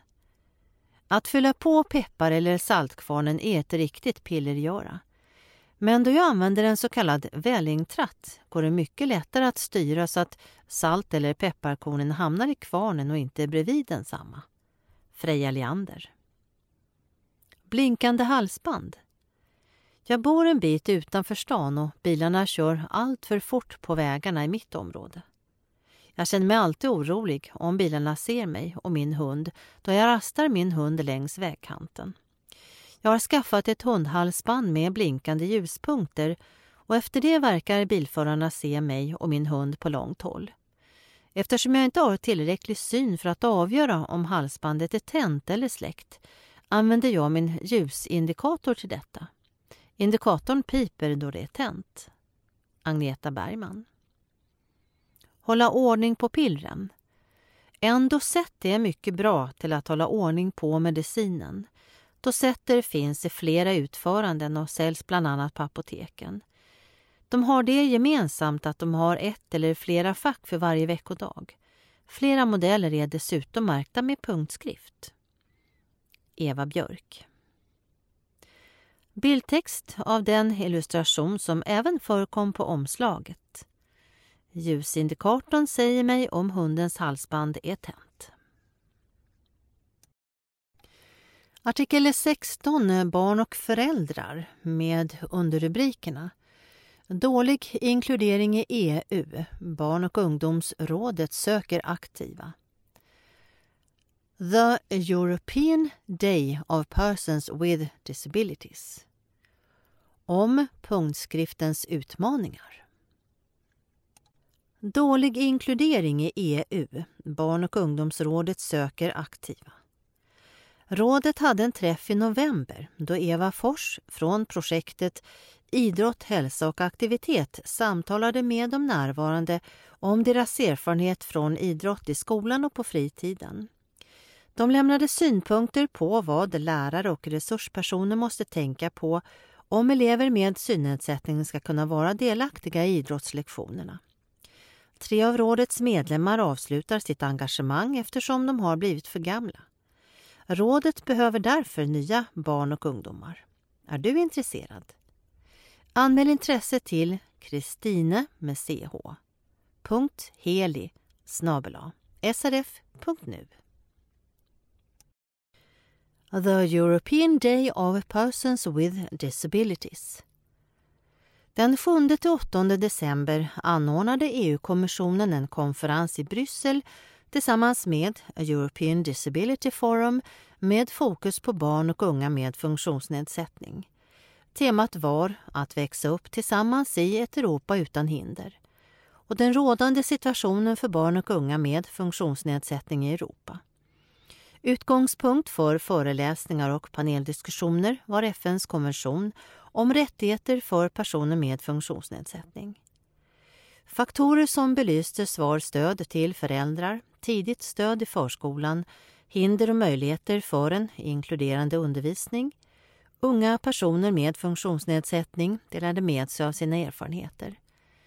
EU har fått kritik från FNs kommitté vid en nyligen genomförd granskning när det gäller situationen för barn och unga med funktionsnedsättning.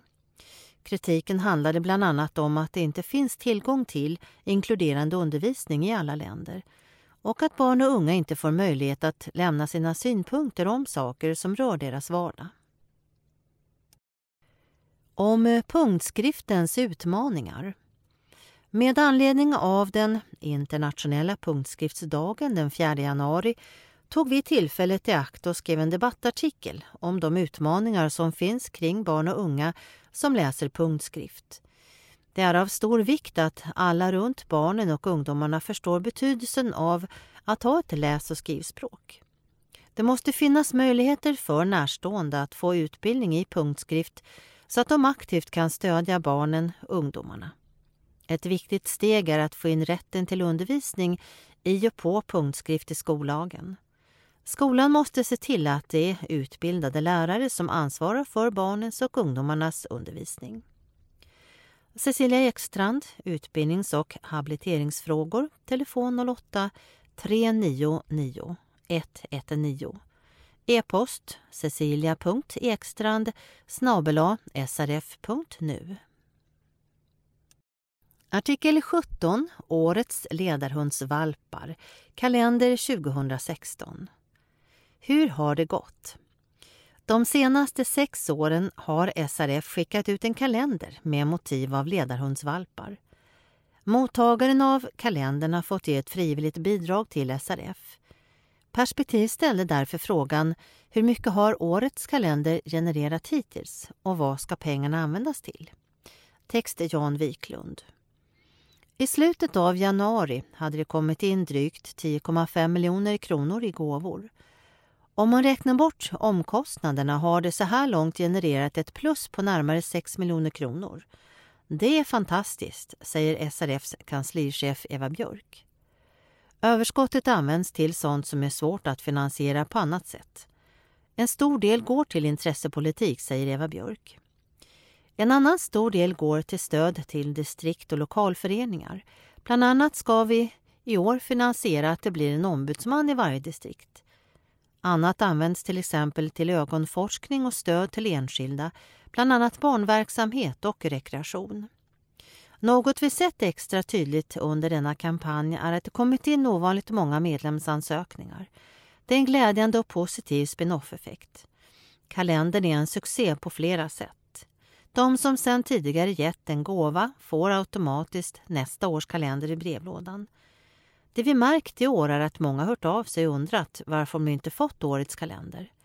Det visar att många fler än de som ger ett bidrag faktiskt hänger upp kalendern på väggen där hemma.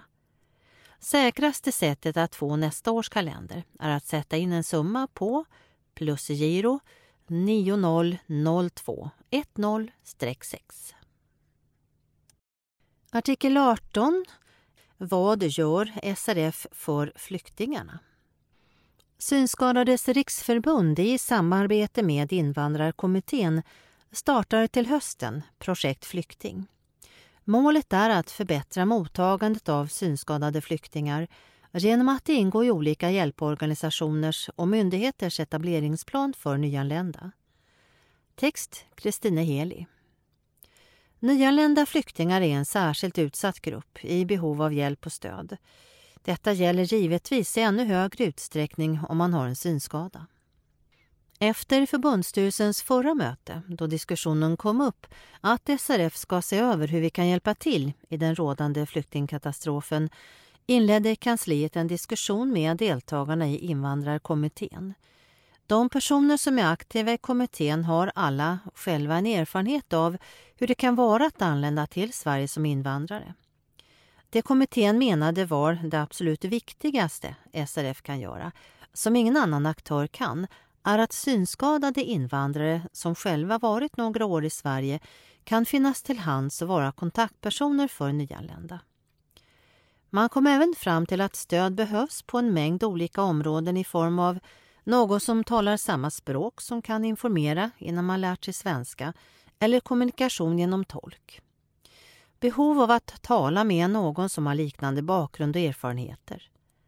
Förmågan att känna trygghet och träna upp sitt självförtroende. Hjälpmedel, i första hand käpp och käppteknik. Information om det svenska samhället. Under våren kommer vi att göra förarbetet. Första steget är en omvärldsanalys, det vill säga ta reda på hur situationen ser ut idag för nyanlända synskadade flyktingar. Andra steget är att söka samarbetspartners, myndigheter och hjälporganisationer som kan vara delaktiga i projektet. Vårt mål är att ingå i olika hjälporganisationers etableringsplan för nyanlända. Ansökan om projektstöd kommer att skickas till Allmänna arvsfonden. Arbetsförmedlingen ansvarar för introduktionen av nyanlända som innehåller bland annat svenskundervisning, förberedande arbetsinsatser och samhällsorientering. Svenskundervisningen behöver kompletteras med punktskrift, arbetsinsatser behöver kompletteras med en trygg grund att stå på. Framförallt har synskadade invandrare behov av att träffa likasinnade som bär på liknande erfarenheter. Artikel 19 Kännbart, en taktil utställning. Hur når vi varandra utan syn eller hörsel? Kännbart är en utställning på Sverigeturné som vill göra konsten tillgänglig för alla med alla sinnen. Text och foto Cecilia Ramstedt. Den 7 november hade Kännbart premiär på Örebro läns museum, ÖLM.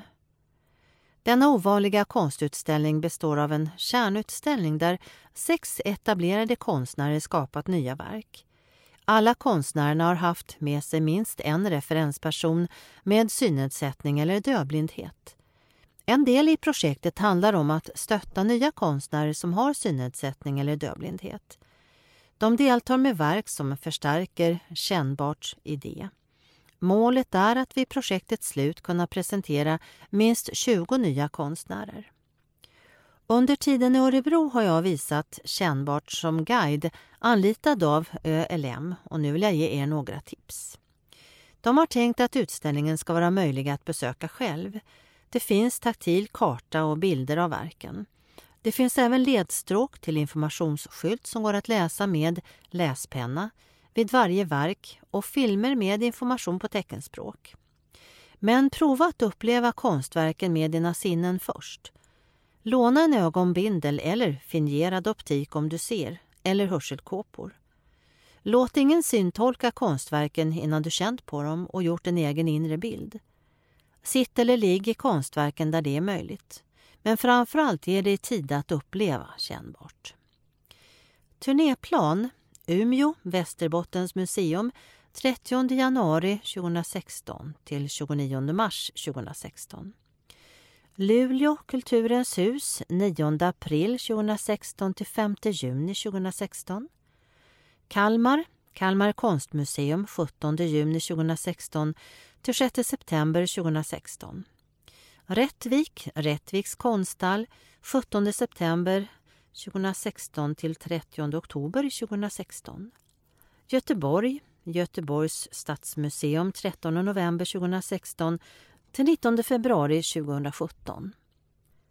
Ystad, Ystads konstmuseum 4 mars till 16 april 2017. Sandviken, Konsthallen 29 april till 28 juni 2017. Visby, Almedalsveckan cirka 28 juni till 5 juli 2017. Borås, Borås konstmuseum 10 juni till 20 augusti 2017. Projektet finansieras av Allmänna arvsfonden och ägs av ABF Örebro län i nära samarbete med Förbundet Sveriges dövblinda, FSDB, samt Riksutställningar. Bland samarbetsparterna finns Synskadade konstnärer och Konsthantverkares förening, SKKF, och Unga synskadade. Mer information www.kannbart.nu Bildtext Sitt eller ligg i konstverken där det är möjligt rekommenderar Cecilia Ramstedt som varit utställningsguide. Artikel 20 SRF Information Distrikten tar över ombudsmännen. Vid kongressperiodens slut hösten 2017 ska det finnas en ombudsman, verksamhetsutvecklare, i varje distrikt som så önskar. Det beslöt SRFs förbundsstyrelse den 10 december. Syftet är att stärka distrikten.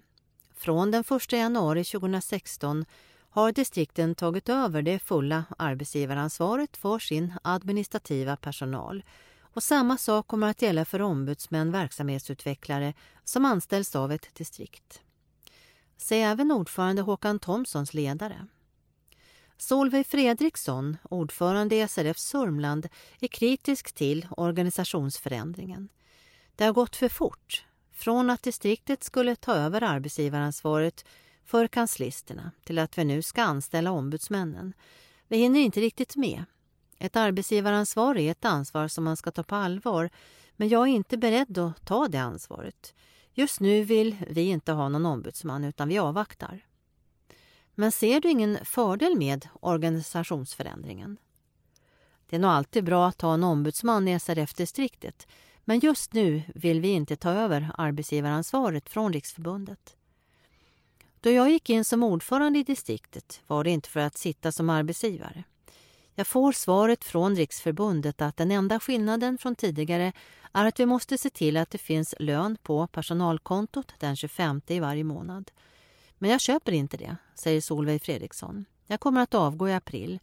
Det är inte roligt att jobba med det här längre. Susanne Borg är vice ordförande i SRF Dalarna och hon ser positivt på förändringarna. Två av oss har gått en kurs och fått mycket kött på benen och vi har lärt oss en hel del. Vi tycker att det är spännande att ta över ansvaret för kanslist och ombudsman. Har ni några farhågor inför förändringen? Det är möjligen ekonomin i framtiden, men nu klarar vi oss riktigt bra. Vi får ta ett steg i taget, men idag har vi resurser. Sune Olsson Lokalföreningar byter distrikt. I januari bytte lokalföreningarna SRF Trollhättan Lilla Edet och SRF Vänersborg Färgelanda distrikt. De tillhör nu SRF Bohuslän med kansli i Uddevalla. Även de vilande lokalföreningarna SRF Mellerud och SRF Åmål övergår till SRF Bohuslän. Den främsta orsaken till bytet är att kommunerna i nordvästra Götaland samarbetar intressepolitiskt i Fyrstad, Dalsland och Bohuslän.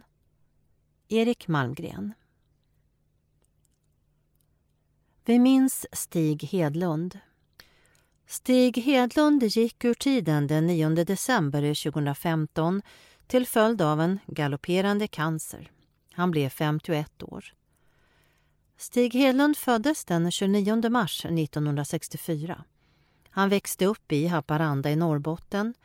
Redan som barn hade han en mycket grav synskada och därför började han som sjuåring på Tomteboda som var en specialskola för synskadade belägen i Solna. Vi var jämnåriga och kom att gå i samma klass från tvåan till femman. Därefter flyttade Stig hem till Haparanda och började i vanlig skola. Jag minns Stig från den tiden som stor och stark, men också som mycket musikintresserad. Bland annat spelade han i Tomtebodas blåsorkester. Musiken fortsatte vara en viktig del i hans liv. Som tonåring ägnade han sig också åt friidrott. Under mer än tio år arbetade Stig som ljudtekniker på Sveriges Radio i Stockholm. Därefter startade han egen firma, men den bars inte och då flyttade han hem till Haparanda igen. Där har han bland annat arbetat på Sverigefinska folkhögskolan med ljudteknikerutbildning för synskadade. Stig hade många idéer och höga ambitioner. Han var kommunpolitiker i Haparanda. Han har haft flera ledarhundar och engagerat sig för ledarhundsförares rättigheter. Vid kongressen i Bålsta 2006 invaldes han i SRFs förbundsstyrelse, ett uppdrag som han lämnade hösten 2009. År 2008 arbetade han med ett projekt i Vitryssland. Det ledde till att han träffade sin blivande fru Natalia. De gifte sig år 2009. Mina tankar går till henne i denna sorgens stund. Stig Hedlund rycktes bort från livet mitt i sin aktivaste ålder. Begravningen ägde rum i Haparanda den 23 december. Vi minns honom med saknad. Håkan Thomsson. Här följer annonser. Har du betalt din medlemsavgift för 2016? Föräldrakurs. Språkresa till London. Play and camp på Lida. Sommarläger. Familjevecka. Semesterresa till Heidelberg. Rekreation på Almåsa i påsk. Sök stipendium ur Lars Normans fond. Sök bidrag ur Synskadades stiftelse. Studietips. Svenska RP-föreningens studiematerial Från chock till chans. Månadslotten förmånliga försäkringar med unika fördelar. Och smycket för lycka i livet, den unika gåvan för de unika tillfällena. Har du betalt din medlemsavgift för 2016? I dagarna skickade vi ut ett brev gällande din medlemsavgift för 2016. Om du har ljud eller punktskrift som önskat läsmedia i första hand fick du även brevet i en anpassad version. Nederst på brevet i svartskrift finns ett inbetalningskort med alla uppgifter som behövs för att göra inbetalningen av medlemsavgiften. Har du inte betalt ännu? Tänk då på att använda det plusgironummer och OCR-nummer som finns angivet på ditt inbetalningskort. Då kan vi snabbt och smidigt registrera din betalning. Saknar du ditt inbetalningskort eller har frågor då är du välkommen att kontakta oss på telefon 08-39 90 00 eller via mejl till registret srf.nu. Föräldrakurs 22-24 april 2016. Platsen är Almåsa konferens Västerhaninge. Målgrupp föräldrar till barn med grav synskada utan ytterligare funktionsnedsättningar. Ett tillfälle till ökad kunskap genom föreläsningar och erfarenhetsutbyte. Vi erbjuder föräldrar möjligheten att umgås och knyta kontakter med andra föräldrar. Kursinnehåll, hörselns betydelse när man inte ser, hjälpmedel, aktiv fritid, skol och habiliteringsfrågor. Ungdomar delar erfarenheter, erfarenhetsutbyte, besök på Svartkrogen med mera. Avgift 400 kronor per person. Sista anmälningsdag 4 mars. Mer information www.almasa.se alternativt kristine med ch heli srf.nu. Språkresa till London. Tid 28 oktober till 3 november 2016. Plats London. Vi bor på ett bed and breakfast. Målgrupp synskadade ungdomar mellan 15 och 18 år utan ytterligare funktionsnedsättning. Vill du prata engelska hela dagarna, träffa engelsktalande kompisar och gå på kurs på college? Följ då med oss till London. Vi ska träffa olika organisationer för barn och ungdomar med synnedsättning. Vi besöker ett engelskt college för synskadade och självklart ska vi hinna med lite sightseeing. Avgift medlemmar 3 500 kronor, icke medlemmar 4 000 kronor. Inkluderar kost och logi. Sista anmälningsdag 15 juni. Mer information kristine.heli srf.nu. Play and Camp på Lida. Tiden är 5 till 7 maj 2016 och platsen är Lida friluftsgård, Tullinge, Stockholm. Målgrupp barn 7 till 16 år. Vi sover ute i skogen eller i stuga, träffar skogsmulle och lär oss hur man gör om man går vilse i skogen. Du kan också spela dataspel, egen dator, baka och titta på syntolkad film. Avgift medlemmar 600 kronor, för två barn 1000 kronor. Icke medlemmar 1000 kronor. Ingen flerbarnsrabatt. Inkluderar kost och logi samt resa från Stockholm till Lida. Riksförbundet står för reskostnader för barnet, ej föräldrar, med billigaste färdsätt. Sista anmälningsdag 23 mars. Mer information srf.nu eller mejl kristine.heli srf.nu. Telefon 08 39 92 46.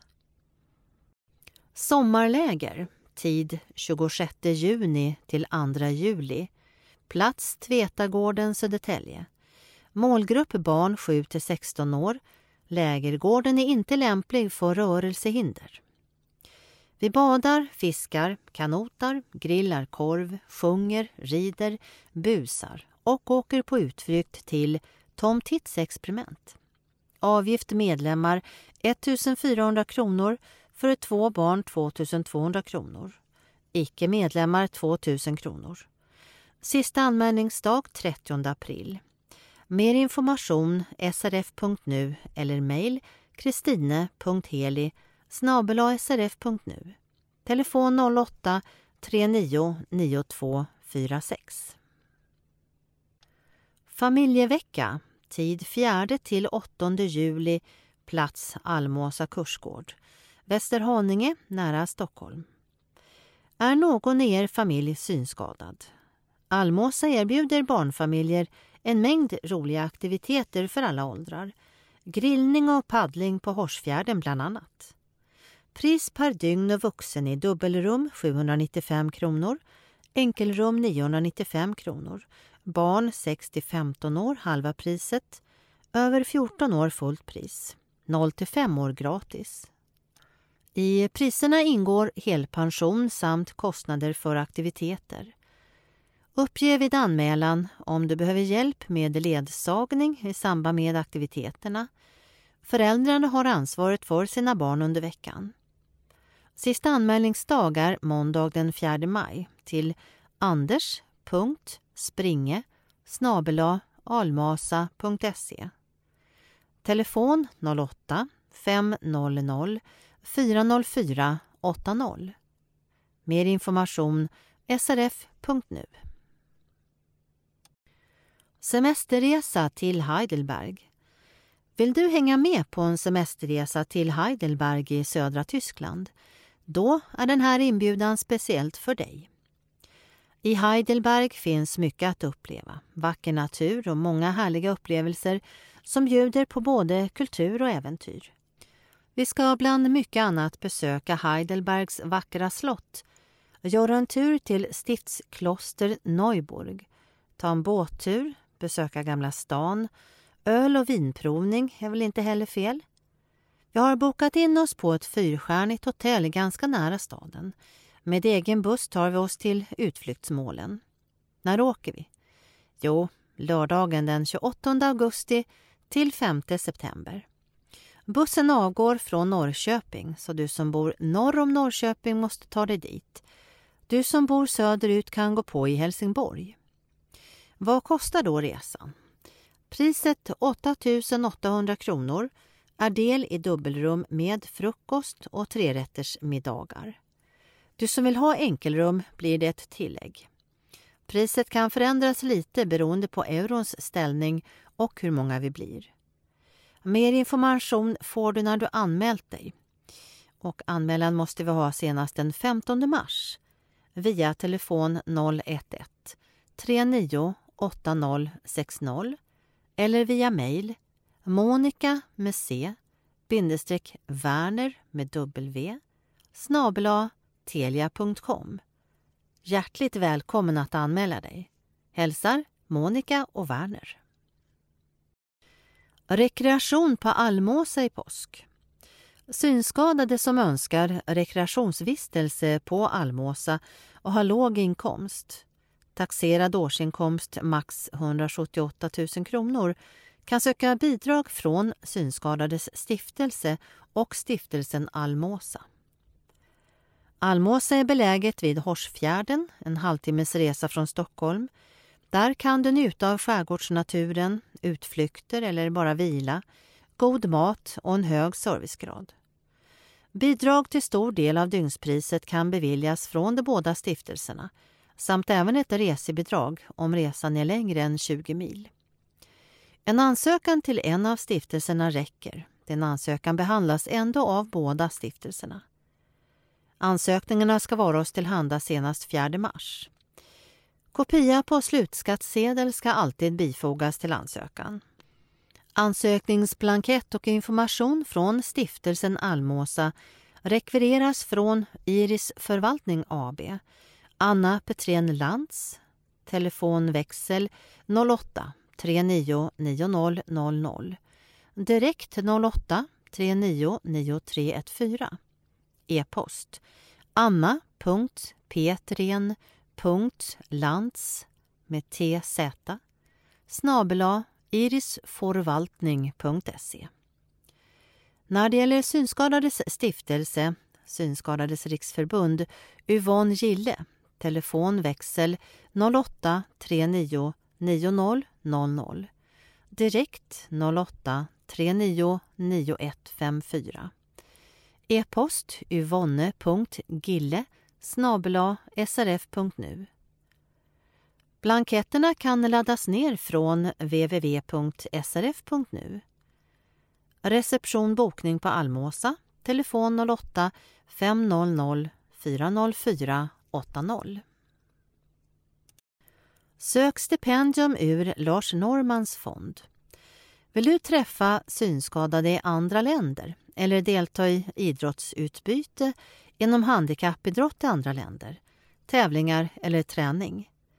Då går det bra att söka stipendium ur Lars Normans fond. Lars Normans fond utlyses två gånger om året, vår och höst.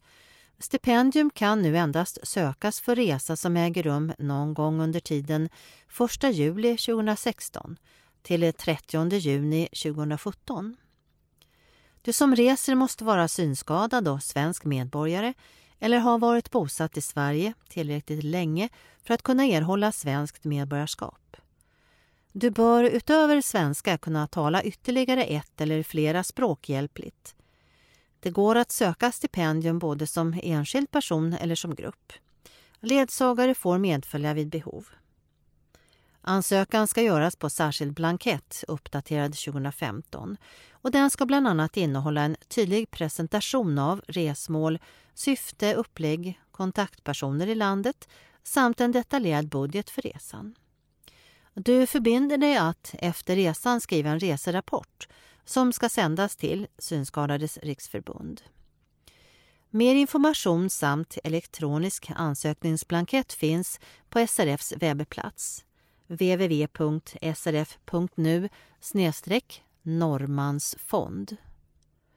Ansökningsblankett kan även fås genom att kontakta Pia Lundborg på SRFs kansli.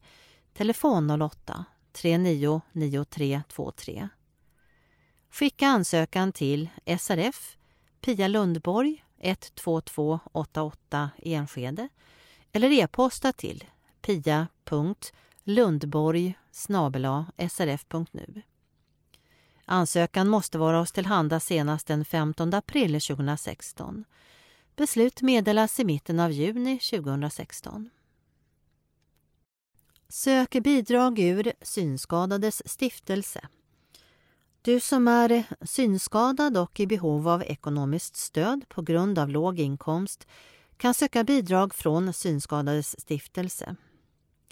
Du kan söka bidrag för olika insatser och åtgärder som utifrån stiftelsens ändamål syftar till att förbättra situationen för behövande synskadade.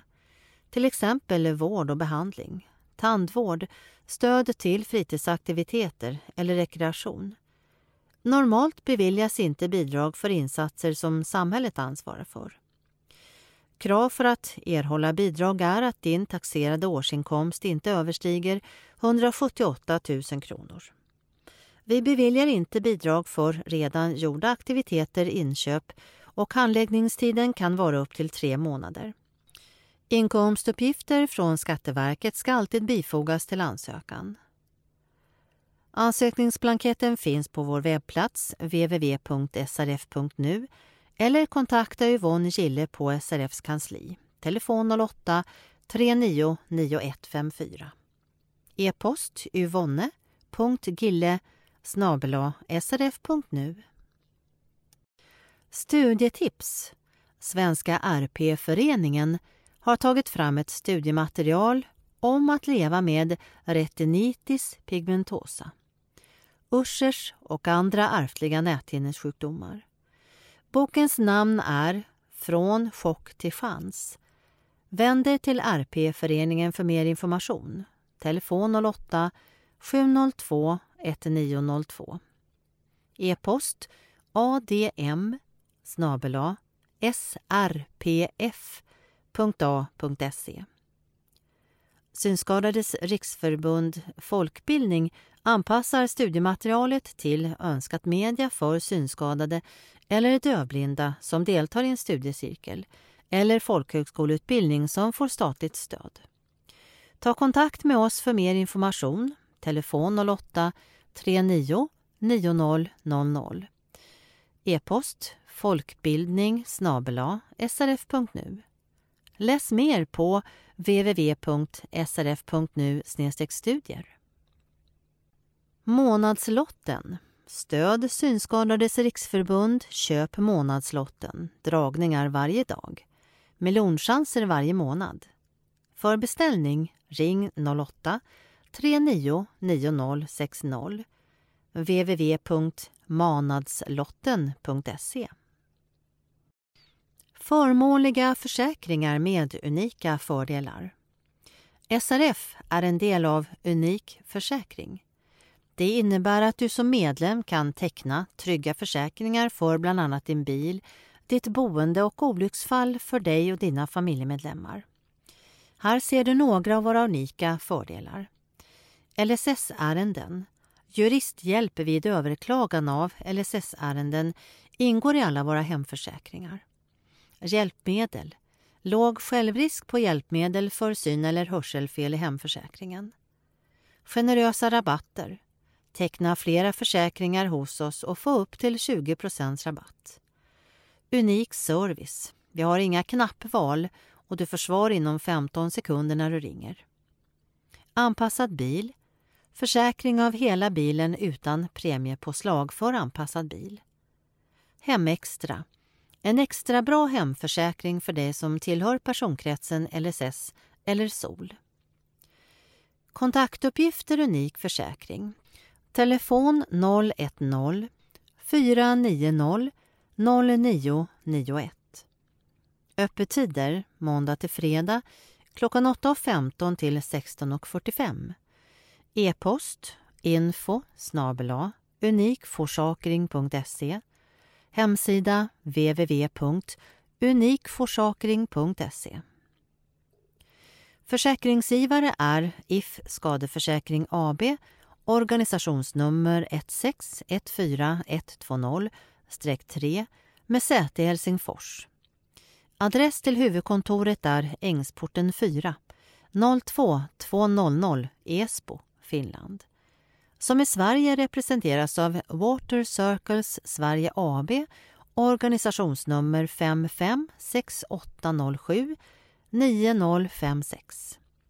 Postadress box 1014 16421 Kista. Isafjordsgatan 35, telefon 08 517 29 600. Info snabela watercircles.se Water Circles är anknuten försäkringsförmedlare till If. Smycket för lycka i livet. Den unika gåvan för de unika tillfällena. Det finns tillfällen när man vill önska någon extra lycka i livet. Det kan vara vid giftermål, födelsedag, studentexamen, dop eller när något speciellt har hänt i livet. För dessa stunder finns Lyckopenningen. Du kan även få den graverad med namn och eventuellt datum. Beställ idag på lyckopenningen.se eller ring vår ordertelefon 08 39 9070. Ett minne för livet. I mer än 100 år har det varit tradition att önska någon personlig lycka med en lyckopenning. När du köper detta smycke stöder du Synskadades riksförbunds arbete för ett bättre samhälle för personer med synnedsättning. Logotyp Lyckopenningen. Till redaktionsruta. Perspektiv, tidning för Synskadades riksförbund. Nummer 1 2016. Årgång 41. Utgivningsdag 11 februari. Omslag. Illustration av en person som rastar sin hund i mörkret under en stjärnhimmel sjungandes A, ha, ha, ha, staying live. En textstrof ur Bee Gees discohit från 70-talet. Illustration Ann-Sofie Petrini. Redaktion Sune Olsson, journalist, redaktör. E-post sune.olsson srf.nu Telefon 08 39 9278. Kari Agger, grafisk formgivare, kommunikatör. E-post kari.agger srf.nu. Telefon 08 39 9299. Adress E-post SRF Perspektiv snabela srf.nu SRF Perspektiv 122 88 Enskede. Besöksadress Sandsborgsvägen 52.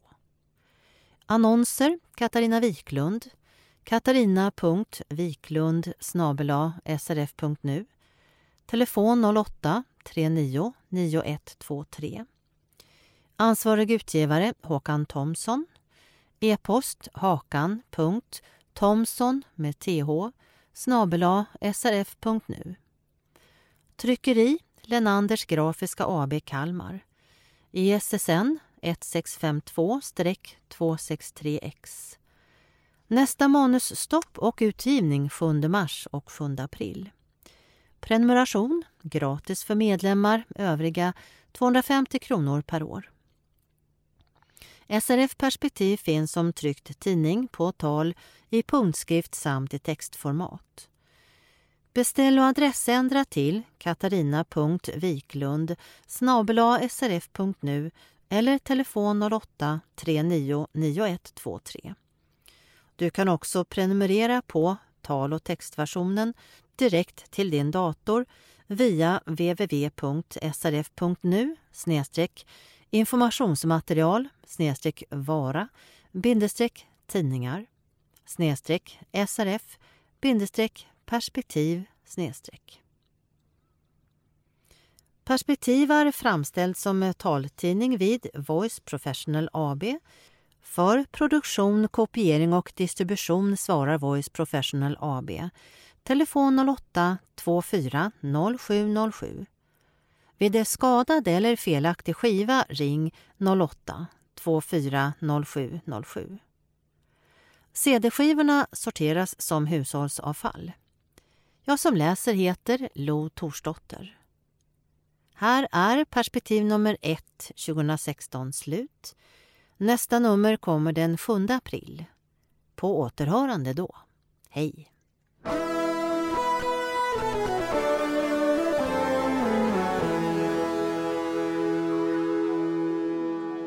Synskadades riksförbund.